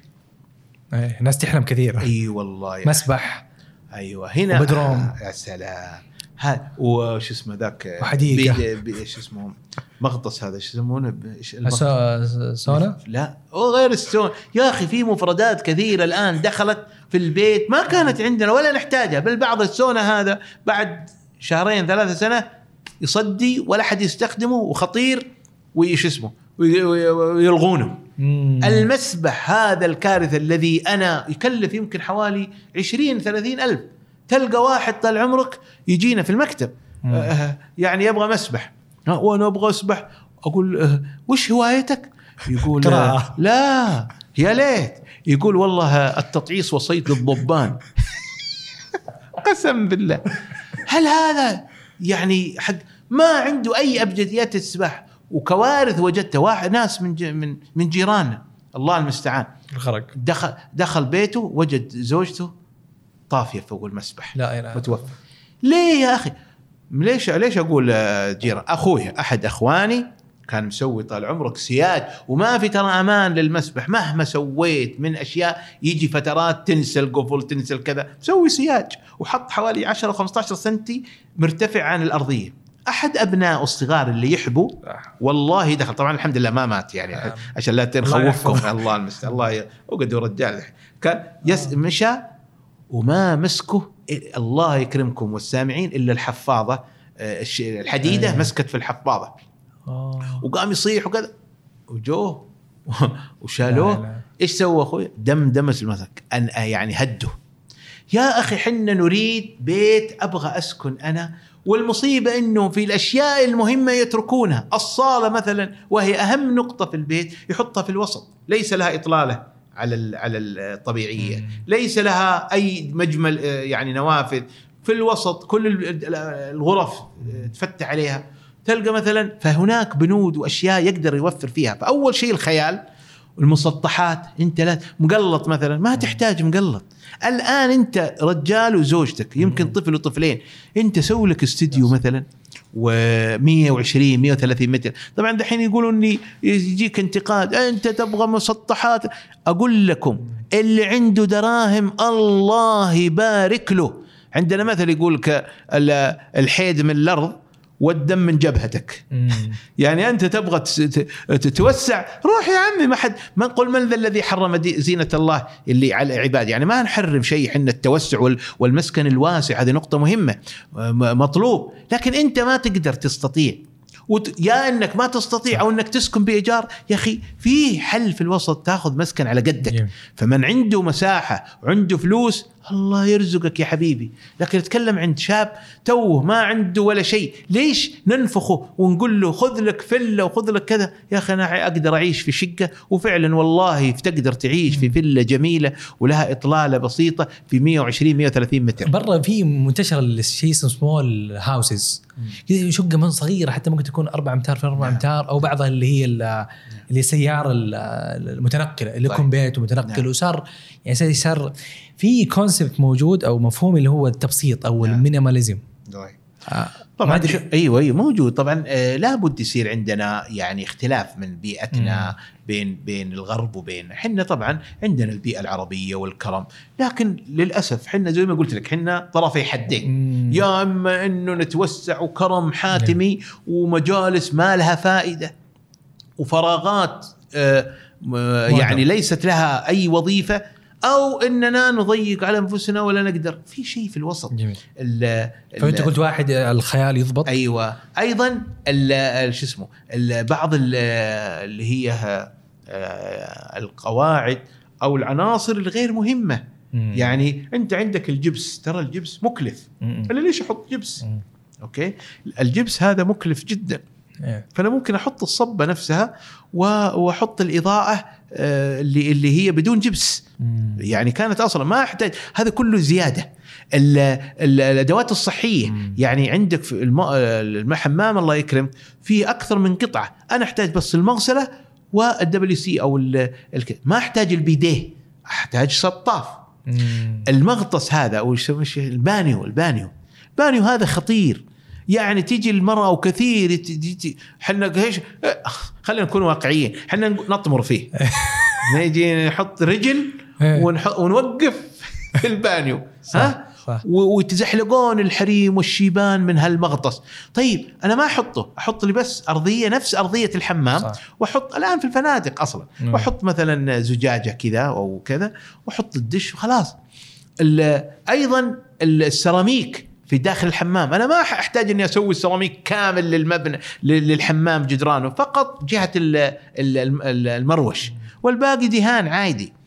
أشياء كثير. المطبخ مثلا. المطبخ يسوون السيراميك لجميع جدران ال- المطبخ. أنا أحتاج بس في الفراغ اللي بين آه، ال- ال- الدواليب العلوية والسفلية.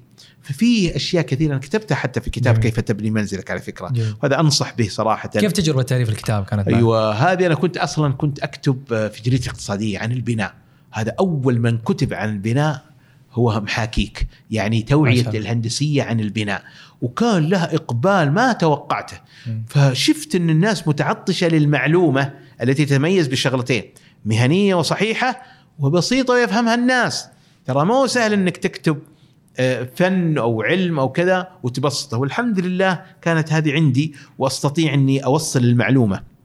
أنا لو لم أكن مهندس كان حطوني مدرس يعني. ما شاء الله.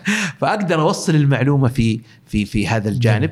فبدأت أكتب الكتاب هذا قلت كانوا يسألوني وعند فخصصت وقت أبغى جميع ما في ذهني من معلومات هندسية أبغى أعطيها لل- للمواطن. وفعلا أبشرك يعني حتى برضو حاولت إني أخفف تكلفته لدرجة جات شركات ورعت الكتاب. مم. تدفع مئات الألوف عشان تسير أسماءها داخل الكتاب مم. فأنا استفدت من الرعاية ولا كان الكتاب قيمته أقل شيء 150 لو بدي. لكن بالرعايات وصل إلى 60 ريال ترى. وفي وبعدين وصل إلى 70 وكذا فالناس يستغربون يقولوا كيف كيف يعني. هالمعلومات؟ وطبعا أشرفت عليه الهيئة السعودية للمهندسين وصار الكتاب في نظري هو رقم واحد في البناء ويحتوي على جميع المعلومات من بداية اختيار الأرض إلى أخطاء في التصميم إلى الإشراف عن التنفيذ إلى خطوات البناء في العظم والسباكه والكهرباء وكذا إلى نماذج عقود كاملة. وشغالين نحن في الطبعة السابعة الآن. ما شاء الله. نطبع 6 5000 نسخة ما في السنة ولله الحمد تنفذ وموجود في بتثقيف جريء. الناس في المجال هذا يعني ها؟ ثقافة الناس في المجال هذا تحتاج يعني ما شاء الله عندك برنامج وعندك كتاب و... نعم. آه فهذه أحد الأشياء اللي حريص تنشر الوعي فيها والله هذه مع إنه ترى ما هو تخصصي صراحة مم. تخصص الدقيق هو في التحكيم وفي العقود آه. لكن وجدت الناس وبديت صراحة لا أخفيك يعني بديت يمكن هذه أول مرة بديت أمل من هذا الجانب ترى على مم. فكرة الإنسان بعد وهذه نقطة أيضا بالنسبة للشباب. أنت بعد 10 عفوا 15 إلى 20 سنة من تخصصك يجب تغير تسمونه changing the career تغير مسار عملك. مهندس تأخذ في الإدارة مهندس تأخذ مثلا في القانون تأخذ في التسويق تأخذ في مجال طبعا ما هو طب. مثلا تروح طب لا في مجال إنساني. وتبدع فيه أيما ابداع ثم تجمع العشرين لا مو تجمع. العشرين سنة القادمة تكون ممتعة لك. يعني أنا في البناء الآن وفي قضية ال- ال- التنفيذ عمل خلاص. يعني فتوجهت إلى التخصص الدقيق لأنه أنا أنصح الشباب بعد هذه المدة أن يعرف وين تخصص الدقيق. كيف يكتشف نفسه. فعلا أنا اكتشفت نفسي بعد 15 سنة ترى. عرفت إني أحب العقود وأحب المذكرات القانونية. لدرجة يعني أنا وكيل سابق لأحد كبار رجال الأعمال في الجوانب الهندسية. فأحكم وأعطي ت- تقارير هندسية لمشاريع كبرى في المملكة. فصار عندي طب اعطيني نبذه عن التحكيم يعني هذا التخصص الدقيق وال- التحكيم والعقود الرياضي الذكية. تحكيم العقود أتوقع صح؟ لا التحكيم الهندسي هذا غير العقود النموذجية، مم. العقود من هذا من هال من هالباب يعني القصة أصلا كانت قبل حوالي يمكن 20 سنة آه في الطائف. قصة ف- بداية التحكيم في أيوة. الطائف. لا آه لا موت أصلا كيف جيت؟ أنا جزاه الله خير. أنا يعني آه، في بعض بعض سنوات يعني بعد ما جلست في في في, في الرياض كان الوالد الله يغفر له يبني عماير في في الطائف. فتضايقت كيف إني أكون في الرياض وأنا المهندس ولا أجي عند الوالد أساعده. فجيت عند أحد مدرائي وأنا يعني ما أدري طبعا أقوله ولا اسمه لكن هو يعرف نفسه الله يجزاه خير ويرحم والديه. فقلت له أنا في مشروع في مدينة من المدن وخليني أروح هناك المشروع وأكون في عند والدي. قال لا ما أدري إيش وكذا كم تبغى؟ شهر شهرين؟ قلت لا إيش؟ يعني يعني نبغى أقل شيء سنة سنتين. قال خلاص أعطاني تكليف سنة. أوه. أيوه. والحمد لله قعدت أربع سنوات. عند الوالد صار في مشاريع واعطاني ودخل فيها المقاول الحرام. هنا ترى. هذه في فيها فيها آه، الحقبة. أيوه في. أنت في كنت موظف في شركة بعدين أخذت لا لا, اي أنا لسه الشركة خ... آه. آه. هذا قبل وأنا في الدولة. آه. هذا وأنا في الدولة. اي ما في مشكلة. أنت الحين رجعت للوالد وبدأت تشتغل معه. أيوه. بعد فترة أربع سنوات قالوا لي خلاص خلص المشروع نبغاك تمسك مدير مشروع منطقة من المناطق. مدير مشروع غير عفوا مدير مشاريع غير مدير مشروع. مدير مشاريع معناه إنك تل يعني لك علاقة بمدير المالي ومدير الشؤون الشؤون ال- ال- المنطقة هناك في ال top آه، management يعني يمكن ثلاثة. فأنا جيت ما شاء الله قلت الحمد لله ما في إشكال وبديت الشغل. يا جيت إلا وأواجه بعصابة يا أخ أحمد. عصابة يعني منتظمة من عقود من الزمن إيه. للسرقات وعدم المهنية في العمل وللأسف مرتبطة حتى بالجهة الرئيسية المركزية في العاصمة. ف إيش أول ما واجهت مقاول له عشر سنوات ومرسى عليه أحد المشاريع وكان هو المسؤول عن هذه المنطقة لتوزيع اللي هي المستهلكات المناديل والعطورات والكذا. بشهريا 600 ألف ريال أو 700 ألف. فتوزع على جميع هذه المنطقة حوالي 200 كيلو بين مناطق نائية ومفروض أنه يروح لها ويعطيها. ما يعطي إلا يمكن بعشر آلاف المدراء الح- الحلوين ها؟ والباقي يصرفها ولا ولا ينفذها. إي والله.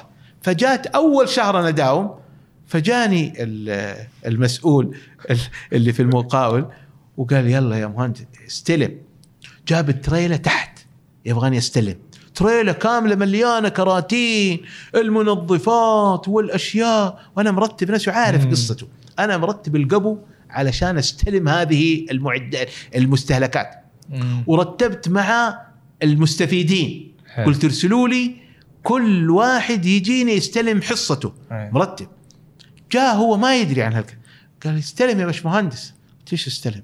قال استلم يلا نزلها قال ده إحنا بن نستلمها في في التريلا كذا المهندسين ال- ال- بتوع الأول يستلموا في ال- في في التريلا إيه.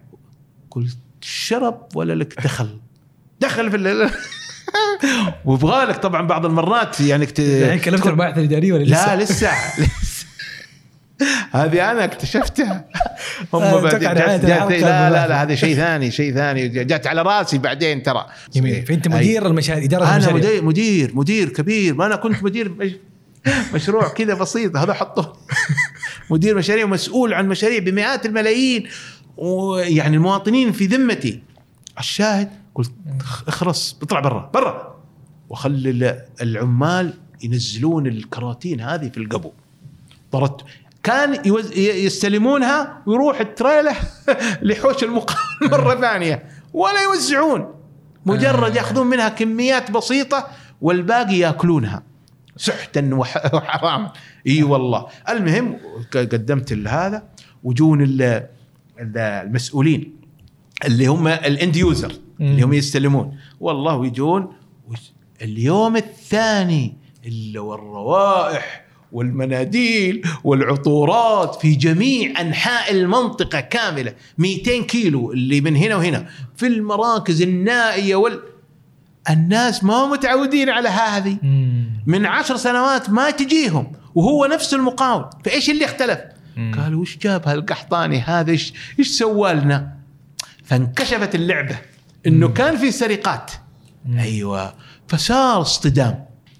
فعرفوا إني قطعت الحليب عنهم وبدأت أسوي تنظيم يا راجل حتى العقد اللي كنت أديره الإدارة اللي متنفذة قالوا إيش تبغى بالعقد؟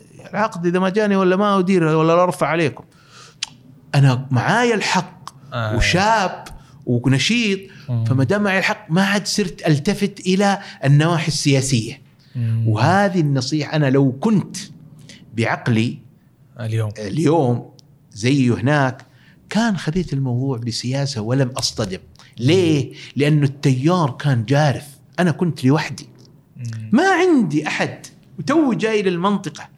وحاس. وهذه النقطة إنه ما دام معايا الحق أقول خلاص ما عاد علي. لا.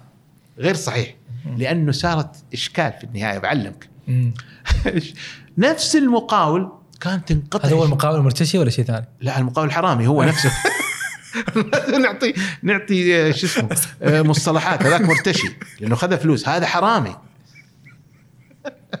مصطلحات مهمة. الشاهد يا حبيبي آه أيوه هذا كان فيه آه في العقد إنه يجب توفير الكهرباء في المناطق هذه على بد 200 كيلو وأي انقطاع في الكهرباء في العقد يا أخي عقودنا جميلة وقلت لك الدولة عندها عقود جيدة لكن للأسف التنفيذ ما هو ما في ناس مخلصين في الغالب إلا من رحم الله الشاهد في العقد إنه إذا و... إذا طفى الكهرب في مركز من المراكز ال 200 كيلو غرامة 5000 ريال يوميا. وللأسف تنطفي الكهرباء ولا حد داري وأروح المواقع واذا إذا وين الكهرباء؟ قال والله يا مهندس لنا المواطنين ومدير ال- الفرع هذا رجل طيب وما يدري والعقد ولا يعرفونه ولا يعلمونه. آه. يقول والله يا مهندس إننا نسوي عمليات الولادة على نور السيارات. لا لا إي والله هذا سمعت. قلت يلا محضر وقع. يلا متى كم قد لك يوم؟ والله شهرين ثلاثة. منطفي. الكهرباء. ث- 30 يوم 90 يوم في 5000 كم؟ اضربها دخل نص مليون تقريبا. حوالي 300 ل 400 ألف. على الموقع هذا فقط. عندنا تقريبا 200 موقع. أروح الموقع الثاني 200 ألف 300 ألف. وأرفع الإدارة الم- المالية. خلاص شيء رسمي الآن. محضر رسمي بالخصم على المقاول من مستحقاته حسب العقد. فجن جنون المقاول. ما عاد قدر. والله يا أخي إنه نزل جدة وسار واشترى تريلة مليانة مولدات كتر بلر. وصار يلاحقني يروح قبلي علشان يحط المولدات يشغل الكهرباء عشان ما أجي قلت شوف والله لو أجي أي موقع ما في كهرباء هذا طريق. إذا وجدت كهرباء خلاص أنا ما عاد أقدر يعني ما عندي دليل إلا أجي آه، إنه الكهرباء مطفي آه. أيوه. هذا الأمر صراحة سبب لي إشكال كبير وله علاقة بعدين في التحكيم. أيوه. أيوه. جو طال عمرك ويعني داروا علي. وجاء وكلموا الادارات هنا قالوا هذا كتب فيه مدير ال الجهة 12 أو بدي 17 سبب هذا فيه وهذا فيه وهذا. وأنا والله من أفضل المهندس أجي عشاني بس صار لش لدرجة جزاه الله خير واحد المحققين في الإدارة. قال أنا مو معقول إنه كل هذه سلبيات فيك من 20 سنة مو معقول. الشاهد جاوني وقالوا خلاص أنت لازم ترجع. أنا مكلف لأني مكلف أنا ماني رض قلت خير إن شاء الله والله المستعان. و اخذت من المنطقة ورجعت إلى هذا. وبقي هذا الوضع ما أدري عاد كم بقي وصار أشياء وراح. أيوه. فالشاهد إنه الاصطدام أنا ما قعدت يمكن حوالي ستة وسبعة أشهر. من أسوأ أيام حياتي صراحة. لأني أقوم من الصباح الساعة ستة حالتي حالة هم على قلبي أجي عند ناس زي الوحوش يعني يبغون يأكلون الأموال وكذا كيف تقدر تتعامل طبعا في مهندسين بسطاء ومد... كانوا معي وكذا ويساعدوني. في عقد ثاني بس والله ما ما الوقت صراحة في عقد إيه. المغسلة بعد الحرامي.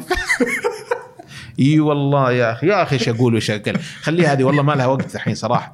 لكن أقول لك في التحكيم التحكيم. إيه. ف سبحان طبعا الوالده الله يجزاها خير جاها هم جا كيف طردوك من من المنطقة؟ وإنت جاي بتكلم وزوجتك مثلا يبغى لها تعيين وعلى طول لازم أداوم وعفشك منثر. فكانت تبكي في الليل. والله يا أخي الكريم تقول لي واحدة من خواتي الله يغفر للوالده في ذاك اليوم اللي اللي طردت منه من من الجهة في الليل نزلت عليها في في غرفتها وهي في في الساعة اثنين أو ثلاث وتدعي وتبكي. اللهم فرج عنه اللهم اجعل له من كل هم فرج اللهم كذا. ويوم إيش فيك تبكي؟ قالت مهند مذكر آه. يشوف كيف سووا به وكذا.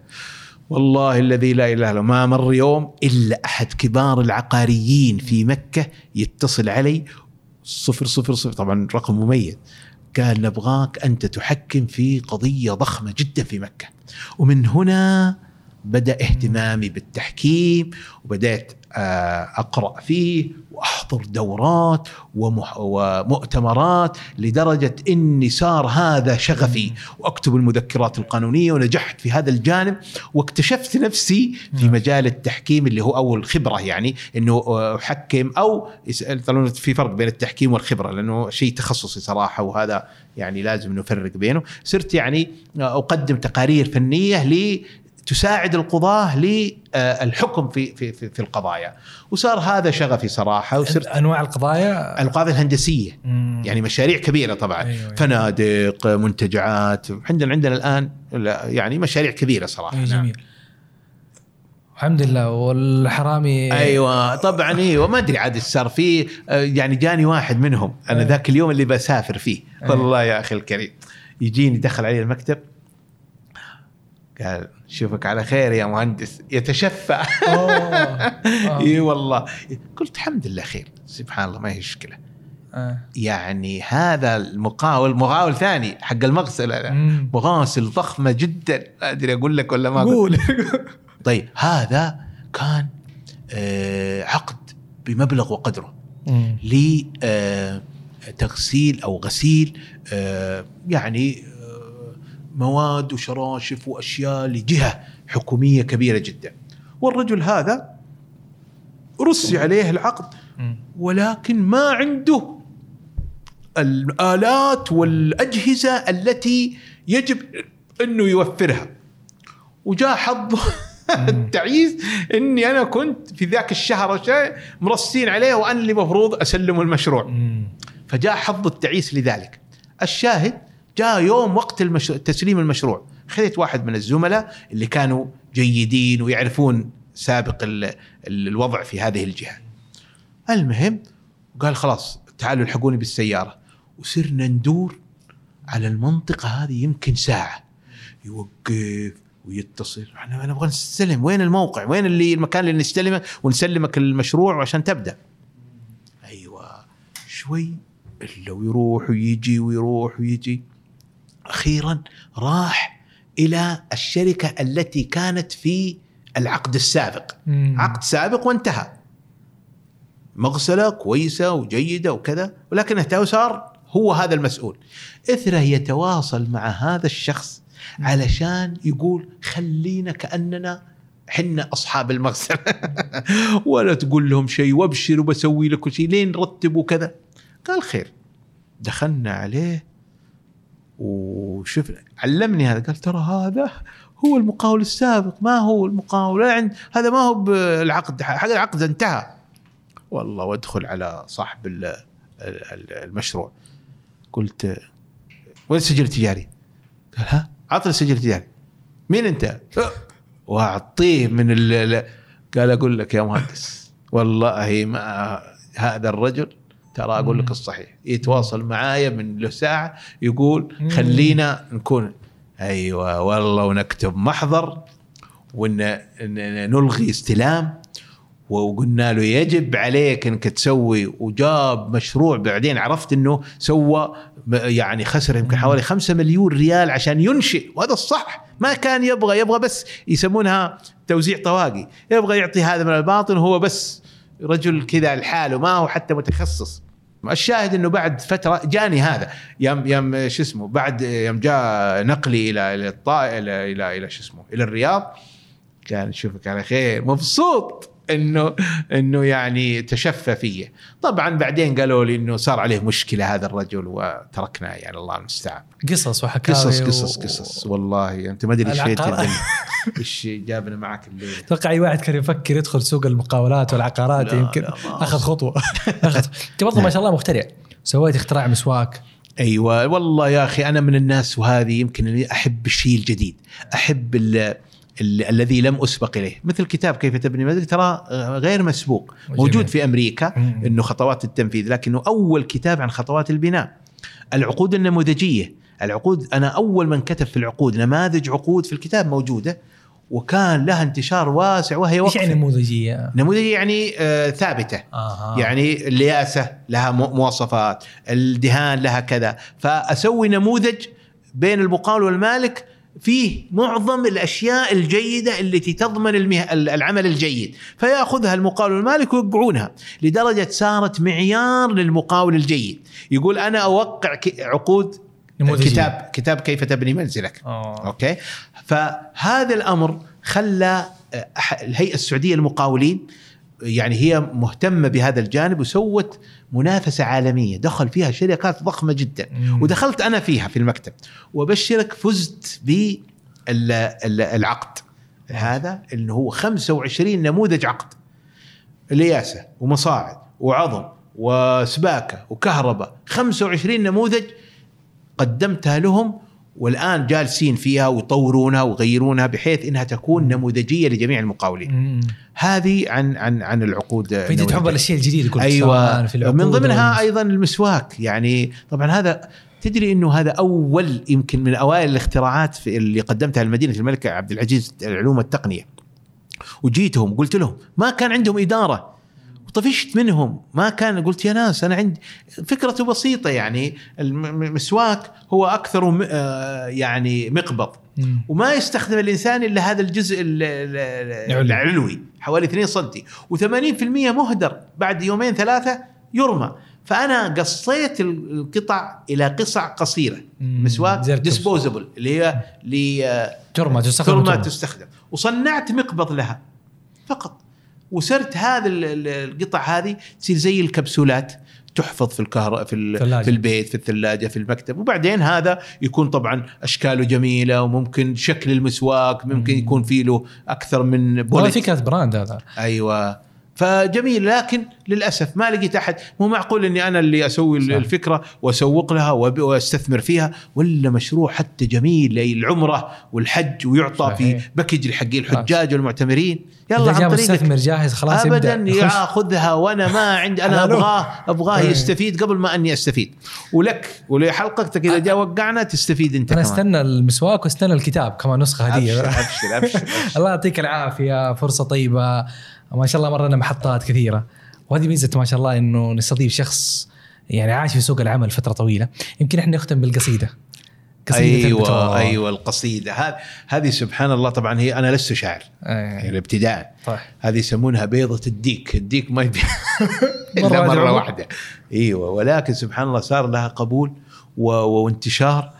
وكانت من معاناه. معاناة لدرجة واحد أحد أحد كبار الشعراء في مجلة أو في رابطة الأدب الإسلامي وكان معنا في الجامعة. وكان بعدي هو. كان كل سنة يلقي هذه القصيده يقول المشاكل ما زالت موجودة ولذلك تبقى القصيدة. متى كتبتها؟ في الثمانينات لا، القرن في الماضي. الجامعة؟ إيوه وأنا في الجامعة. آه، ما أدري إيش جاني هذا في الإلهام. است- آخر السنوات السنتين الأخرى أو السنة ونص الأخيرة أو كذا. آه. آه ما أدري كيف جاني هذا الإلهام. عبرت فيها عن أحداث الجامعة. أيوه ومشاكل وبلغة طبعا في إنجليزي طبعا ويفهمونها ال- وكان حاضر الدكتور بكر بن عبد الله بن بكر اللي هو مدير الجامعة واساتذه الجامعة كلها في حفل الشاطئ. كان يعني لقيتها في ال... إيوه لقيتها وموجودة مؤل يعني أظنها في الفيديو وأنا للأسف نسيت الفيديو هذا الشريط كنت ببحث عنه ما لقيته. ولعل أحد يعني يقدر يجيبها في الجامعة لكن بقولها لأنه فعلا يسألوني ولعل فرصة أن نلقيها عندكم في هذا بسم الله. في شو اسمه؟ أفضل ختام آه فكانت طبعا عن معاناتنا. مم. فقلت طبعا يبغى لها مسبحة يا شيخ. يمشيها في عندك؟ بال- إيوه هات. إيوه جاهز يسعدك. ممتاز. لازم نلوح بها كذا أيوه. يقول أبدأ قافي بسم الله. وحده لا شريك له. رب عال في سماه ما قد خيب من رجاه. من مبنانا ناينتين. مبنانا هو 19 حق الاركتكشر. من مبنانا ناينتين. اللي لي به ست سنين برسل قافن ما بهلين بشكل بكر بعد الله. حالتنا ربي يعلمها. حالة كرب في مجملها. نبغى نذكر من يجهلها نبغى الوادي يجري ماه. أبدى شكواي بالدختور اللي له كرسن يدور. إفن عنده لازم شور يرسم بل استهمعناه. عذره قال الدعوة نسبة تنبر سنت بضبط الحسبة. هذه الأوامر ما هي لعبة ولا يعطى الطرف إخلاه طبعا هذه كانت موجودة يعطيك 10% لازم يأخذون إف آه. في ال- الكيرف. صح. فكانت إشكالية يعني لازم ت- 10% يكونوا إفات. اف عنده لازم شور يرسم بل استهمعناه. عذره قال الدعوة نسبة. تنبر سنت بضبط الحسبة. هذه الأوامر ما هي لعبة ولا يعطى الطرف اخلاء لاني عانيت أنا. والنتيجه في النهايه بيبر صفراء بدون جناية. والله أنا كانت لونها أصفر. لا تسر الناظرين. اللي هي الإنذار. أيوه. بيبر صفرة بدون جناية. قالوا سيستم والحكاية هذا ليزي ما نبغاه. ويطرد من الجامعة هذا ليزي ما نبغاه ودها من ذلك ومر. كون الإثم ما منها فر. يلحق ورانا بالشر يبقى مهما عدلناه نقطة سوداء في معدلنا تحرق قلب الواحد منا. هستر هذا. ما يرحمنا كنحل لخص من وعداه. هستر هذا مسجل الجامعة. هذا كان ناشب لنا. وإذا خذيت A اف وبعدين خذيت اف في المادة كم يصير عندك؟ اف لا سي كأنك إيه. هذه سي فما يلحق وراك بالشر يعني ما هو يع... إذا خذيت سي اي المفروض يلغى هذاك. آه. لا يسووا لك معادلة ويصير يلحق ورانا بالشر. يبقى مهما عدلناه نقطة سوداء. صح. في معدلنا تحرق قلب الواحد منا هستر. هذا ما يرحمنا كنحل لخص منه وانعداه. شار موتر قبل شهور ستة سلندر بالماطور وقف تحه البلدنج فور واثر السيكر تي مرواه حوط حوله بالونشات زهب له كل معدات نسم فيها أربع كفرات حتى سبيره ما خلاه. وين نوقف يا أهل الخير؟ ولا حال الطالب غير. هذا والله ما هو فير وصل صدري منتهى آه بعدين نجي للمطعم. هذه آخر آه، كوبليه. كوبليهات أم كلثوم. أيوه دقت ساعة تنال 11 طبعا وقت ال أي يبدأ الغداء 11 وقت الغداء. دقت ساعة تنال 11 عرفت إنه وقت اللنش وسط المطعم كل خش يملا بطنه ما يوزاه. ليه دخلته ما تحتار؟ صنف واحد وش تختار؟ ولحم يقطع بالمنشار ورز نمير الحمد لله. ورز نمير الحمد لله. فيها أصناف ما نعرفها. ما هي لوكل ما نطعمها. ذوقة محشي فلافلها تصرع من تقرب من فاه في يجيبون أشياء ما هي ما هي آه، شو اسمه؟ الغربية. آه، أوه أنت جبتها يعني. ما هي لوكا نبغى حنا البر والسمن والعريكه ما هي لوكل ما نطعمها؟ ذوقت محشي. فلها تصرع بنت تقرب من فاه نبغى طبخات شعبية شمالية والجنوبية. أما الوسطى والغربية في المطعم منها ما جاء. فعلا والله كانوا يجيبون لنا قرصان وجريش وجميل لذيذ. لكن حنا برضه يا أخي خلكم عادلين نبغى آه، عصيد وبر وسمن نبغى طبخة شعبية شمالية وجنوبية. أما الوسطى والغربية في جل مطعم منها ما جاء دار بلقى من يجيب. فالمستقبل القريب ونرجو إنه ما يخيب. قافل بكرا نرسلناه والسموحة يا الحضور.